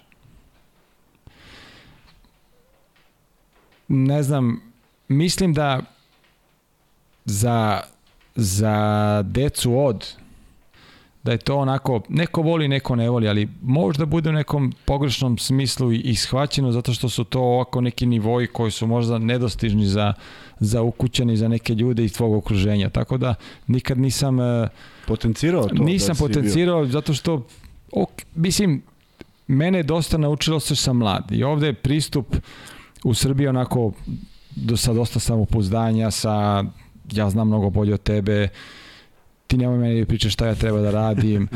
E, ja sam u neostranstvu dosta naučio i nisam se promenio, ali sam naučio da poštujem sve te ljude koji su, koji su radili sa mnom, pogotovo kad sam prestao da igram košarku. To su bili obični ljudi i uživao sam sa njima. I oni su, kao i obični ljudi, pokazali mnogo toga, videli su neke stavove moje u početku gde sam ja bio, hteo da budem na neki način ne dominantan, nego da zna više od njih. Međutim, nikad nisu prihvatili da budem više nego što su oni kao, što, kao ljudi. I onda mi je čuvenu frazu mi je rekao moj e, ovaj kolega, s njim sam 12 godina radio non stop, bili smo par David Carnicero, mi je rekao, Niko, kad nemaš nešto dobro da kažeš, čuti. Znači, Dobar savjet. Da, kad nemaš da, dobro, kažeš, da. da, kažeš, čuti, šta ti sad pričaš kamermanu, ko znaš da, koji on bitku bije, ko zna ovo što te našpinkala, da li je ona došla ovde, čuti i, i nemoj da gleda svoje posta. I, I onako, I onda shvatiš da jednostavno, znaš, e, tamo ljudi nisu direktni, traže načine kako da ti se kaže i tako. Ja sam bio previše direktan i, i naučio sam kroz taj rad na televiziji, sarađuju sa, sa normalnim, najnormalnim ljudima, pošto u, u svetu košarke na vrhunskom nivou ne sarađuju sa normalnim tako. ljudima, nego sarađuju sa ljudima koji su, znaš, svaki, svaki moment je neko takmičenje. Da ali u tom normalnom svetu i to sam to mi je ovako velika stvar koju sam naučio u, u inostranstvu i dan danas pokušavam ovde da, da se ophodim sa u nekim situacijama na taj način, neki put ide teško, neki put ide kako treba, ali jednostavno, ali, ali postižemo ono što na kraju krajeva ovaj, i pogotovo sa tim klincima kojima pomažemo u, u, u gradu dole da, da nauče nešto i o košarci i o životu, tako da to je onako bitno što što sam teo da, da vam kažem. Bitno je, ja bih sad završio, rekao. završio bih ja sa tim, kada nemaš šta pametno da kažeš završi, ali imamo još toga. Prvo hoću Nikolu da pitam, e, pominjao si je Kuzme, pominjao to što si organizovao u Kragovicu, sad već ima 30, skoro 30 godina. 30 godina, da. Um, ti si i dalje prisutan u Kragovicu i pokušavaš da, da pokneš taj košarkaški centar, pa nam reci na koji način. Pa ja sam prisutan, posle 30 godina konačno sam proveo malo više vremena u svom rodnom gradu sa, sa roditeljima, sa prijateljima, sa familijom i onda sam imao priliku da, da se uključim u rad e, jednog košarkaškog kluba koji igra Srpsku ligu, radnički 1950. E, jednostavno to su momci koji igraju juniorsku ligu u isto vreme igraju Srpsku ligu. Pola imamo neki dodatak od 4-5 igrača koji igraju za taj mladi tim koji su najstariji njih 2000 godište, tako da, ali samo jedan. Generalno su 2004-2002. I to je počela sezona onako čisto rekreativno, ja sam isto hteo da vidim da li ja mogu sad nešto na terenu, pošto sam sve radio iz kancelarije ovih zadnjih godina, da li nešto na terenu mogu da dodam. Stavio sam se tu u poziciju nekog pomoćnog trenera i to je bilo sve kako treba, da smo mi došli u situaciju da dođemo u borbu, dođemo u B ligu. I na kraju smo ušli u B ligu, povedali smo tu zadnju utakmicu, da je bilo za mene kao wow, nisam se više tako obradovao Dugo nečemu. Dugo tako, da. nečemu da. ta, i bilo mi je drago da su momci fenomenalni, da su dobra deca, posvetili su svo slobodno vreme da dolaze na treninge pored škole, pored obaveze, svi su oni išli u školu redovno. Tako da smo, malo smo se zainteresovali za to, ja i moj prijatelj Novak Ruganović, onda smo odlučili da se malo ozbiljnije posvetimo, posvetimo tome. E, što se tiče Kragujevačke košarke, znamo da su ispali iz KLS lige, e, totalno je druga, druga priča, tu to je drugi koncept koji su oni imali sa nekim starijim igračima da se održavaju tu u toj sredini, međutim uz dosta loše, e, lošu sreću i nekog amaterskog rada i dosta neznanja oni su ispali ovaj, u, u, iz KLS-a i sad smo isto, došli smo i imamo gradski derb. Tako da to je poražavajuće za grad Kragovec da, da imamo dva tima u jednom, uh, jednom rangu takmičenja. Ne mogu da kažem dobili smo premiju od, od, od grada Kragovica za uspeh, dobili smo i neke, neke olakšavajuće okolnosti u smislu termine, nekih stvari koje su nama preko potrebne. Svi kažu da je novac na prvom mestu, meni novac nije na prvom mestu kad se radi sa mladim igračima, igračima koji hoće da, da napreduju, da jednog dana uzmu novac, ne kod nas, nego na nekom drugom mestu, po za mene infrastruktura, termini, dobra sala, oprema, dobri treneri, mi u gradu imamo trenera koji imaju dosta skromno iskustvo, dosta skromno znanje i košarkaško i, i životno, zato što nisu izašli iz Kragujevca. E, možda su otišli neki 30 km, km levo i desno. Ovaj, i, što je najtužnije od svega, nemaju većina njih nemaju uh, nameru da napreduju. Što znači da odu na klinik, na primjer, koji će sada bude neverovatan krajem juna meseca, prvi, drugi udruženje košarkaških trenera Srbije uvek pravi klinik na Final Four, nije niko došao da gleda Next Generation i tako dalje. To su neki detalji koje pokazuju da mi trenutno kod nas u gradu vrlo teško da možemo da nema imamo ambicije, bazu, nemamo ambicije, sve su ambicije na lokalnom nivou. Ok, ja to poštujem i cenim svako limitira prvo samog sebe, pa on ga, onda drugi ljudi ga limitiraju. Tako da je to besmisleno, ali ovaj, evo sad smo u nekim razgovorima, imamo otvorena vrata prema gradu i prema svim ti ljudima koji odlučuju šta će da se desi, šta će da se ovaj događa. Po meni je malo neverovatno da da mi imamo ovakav razgovor i svaki razgovor koji ja imam sa nekim drugim ljudima da ne odjekne u mom gradu gde sam onako jedan od najuspešnijih sportista i da to za to nema sluha. Jednostavno to je ono baš bez veze. Pa dugo si odstovao iz Srbije. Pa da, jesam, pa jesam, ali... si naviko si na neke... Da, neke stvari neke sad... Stvari. Ja nikad nisam teo da se mešam u nešto što ne znam i što nikad nisam u životu radio, znaš. I, jes, kao svi mi imamo svoj CV. Ja imam CV Koji imaš? Koji imam, ne, ja bavi? nemam i čime sam se bavio. Ja ne mogu sada da budem direktor futbolskog kluba, ne, nikako. Ali opet ti kažem da je to onako dosta bila neprijatna situacija. Sad se to onako neko vraća u neku normalu, uopšte ne znam ni šta planira drugi košarkaški klub, niti, niti me interesuje. Mi jednostavno kao kao mlad klub koji imamo onako dosta mladi igrači i opet pretendujemo da igramo i tu juniorsku ligu i da igramo prvu B ligu, da budemo kompetitivni, da, da privolimo te naše ljude koji su željni dobre košarke, pošto u Kragovicu se košarka ne igra još od vremena kad je bio Muta Nikolić Tako je, da. i sa i sa, kako su se zvali, e, e, zvali su se Lions, Lions, da, da, tako da, je, da, Lions, da, bili su pet godina, jeste, to je bilo, jeste, bila je puna jeste, hala, sam, da. sad smo imali prilike mi kao klub da organizujemo završni turnir roda juniorske košarkaške lige Srbije, to je bilo super, na završnoj utakmici je bilo preko 1000 ljudi, Tako da i na našoj zadnjoj utakmici u Hali Park, ne u, u jezeru, nego u veliku, manjoj hali gore, bilo je puno i bio je ovaj, pored futbala najposećeniji posjećenje utakmica tokom sezone. Tako da radimo na tome, skromno radimo na tome u odnosu na naše mogućnosti. Ne tražimo novac za bilo kakvu podršku, tražimo sad neke stvari koje sam pomenuo ranije da to bude Što je sa razumom. To je deci najbitnije. Da, da ima termini, da ima opremu, da ima deci, trenera, da ima mislim, termine. Šta, sada nekom detetu koje je perspektivno. Ja mislim, ja nemam hrabrosti. Ne znam ko ima hrabrosti kaže dete, e, nemoj ideš u školu, bit ćeš košarkaš. To je, ne postoji, da. to ne da. postoji da. više. Nema da, da, da vidiš ti sad, ne postoji više. Deca treba da idu u školu, treba da se razvijaju kroz školu, škola daje određeni ovaj, e, određene stvari za trening, trening dajem dosta stvari i za školu, e, tu ima malo discipline između tih klinaca koji polako ulaze u neki sistem i hoćemo da napravimo neki sistem i da krenemo od nule. Sad, da će od njih neko biti igrač? To uopšte nije bitno. Verovatno neće. Ako ne budemo poboljšali našu infrastrukturu, ne budemo imali dobre trenere, ne budemo imali uslove kao što su negde drugde u svetu. E, tek onda dolazi novac. Da, mnogo dug put. Dug, ne, ne, ne, ne, ne, što, što se njima priča i što možda roditelji čekaju da je, da je long, prvo. Long way to go, znaš. Tako, ali deluje da radiš to sa nekom posebnom emocijom i to mislim ja da, je, dugujem, da je jako dobro. Ja ne dugujem uh, generalno uh, nikom ništa. Ja sam, od kad sam otišao na stranstvo, uvek sam uh, osjećao da mi nedostaje moj grad, da go sam igrao. Posle 30 godina igram slučaja i, i poslom s kojim se bavim, koji mi je dozvolio da mogu da budem u Kragujevcu pre 4 meseca i da idem gore dole. Ovaj, nisam osetio potrebu, nego tako se namestilo. Ja sam mom gradu mnogo dao, uh, i kroz košarku i kroz neke druge humanitarne stvari, kroz uh, najteže momente kad je prošao grad tokom bombardovanja, puno humanitarne pomoći, puno aparata, puno svih stvari i jednostavno ovo šta što radim stvarno mi je zadovoljstvo, mnogo mi prija, deca su dobra, mnogo sam se obradovao kad smo ušli u B ligu, skakao sam sa njima tamo sa, mm. sa klupe, tako da postao sam, evo, ako, ako su me izbjesali tamo iz onog da nisam više Kragujevčin, ove godine sam se vratio pa sam jedan Kragujevčin, maš, tako je. Tako je. Lepo, jako nam je drago zbog toga. Imamo još dve stvari koje želimo sa vama da podelimo. Dakle, prvo je da uh, smo zamoljeni da ovo prenesemo, dakle da tradicionalni basket turnir u 3x3 24. 25. i 26. juna na terenu osnovne škole Branko Radičević Savino Selo.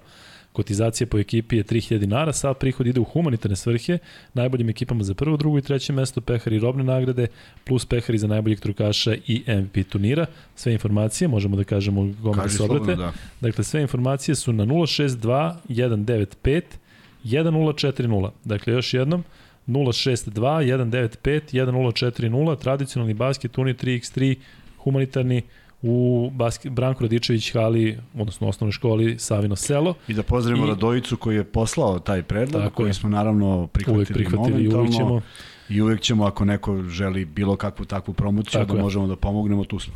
I, e, dakle, možete da se informišete i da se prijavite i na Facebook profilu Milan Simić Džomba.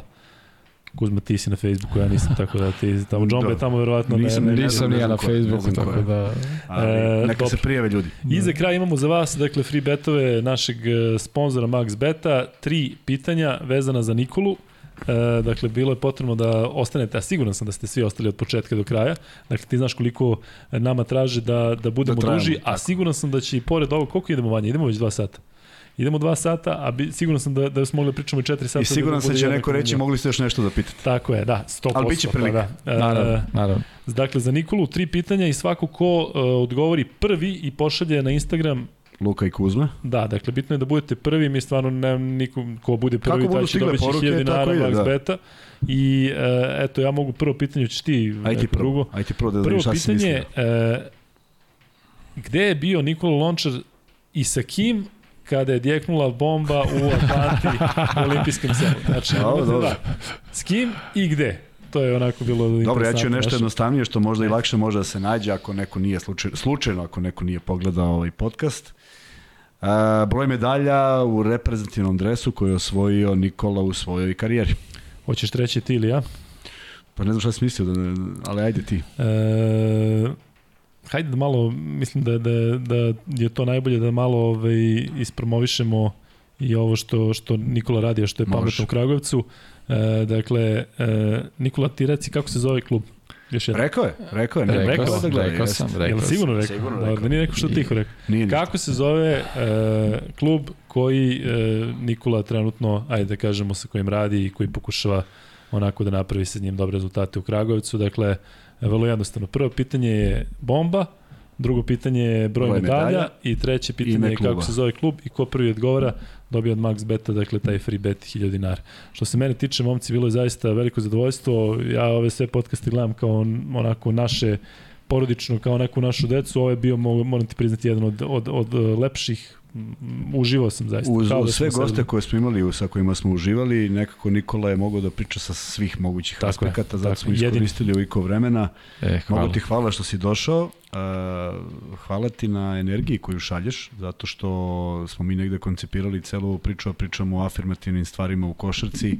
Mnogo toga si rekao kroz sve poslove koje se bavio, mnogo toga si rekao kroz ove poruke deci. Uh, koje su fantastične, ko razume i ko zna šta si hteo da kažeš, yes. možda i nešto napravi u svojoj karijeri. I hvala ti što si ostao isti kao pre 30 godina. Mnogo mi je drago zato što, kažem, imamo te prijatelje koji o tebi pričaju sve najbolje i sad znam zašto, znao sam od uvek zašto i kažem, drago mi je što smo se videli. Ništa, hvala vama i ovaj kad god treba da, da, nešto. To, to, ne, Mi radimo četvrtak, Madrid, četvrtak da. u 9. Madrid, bilo gde, slavo se javite, zadovoljstvo i eto, Nadam se da ćemo se ubrzo vidjeti. Ovdje. Uživali smo, nadam smo se da ste i vi. Četvrtak imamo live u 21. Četvrtak live u 21. Ako ja ne budem imao neki da. prenos, ali vidjet ćemo da ga pomerim. Uh, javljamo na vreme. Tako je, u svakom slučaju četvrtak 21 live 99,5%. Uživajte.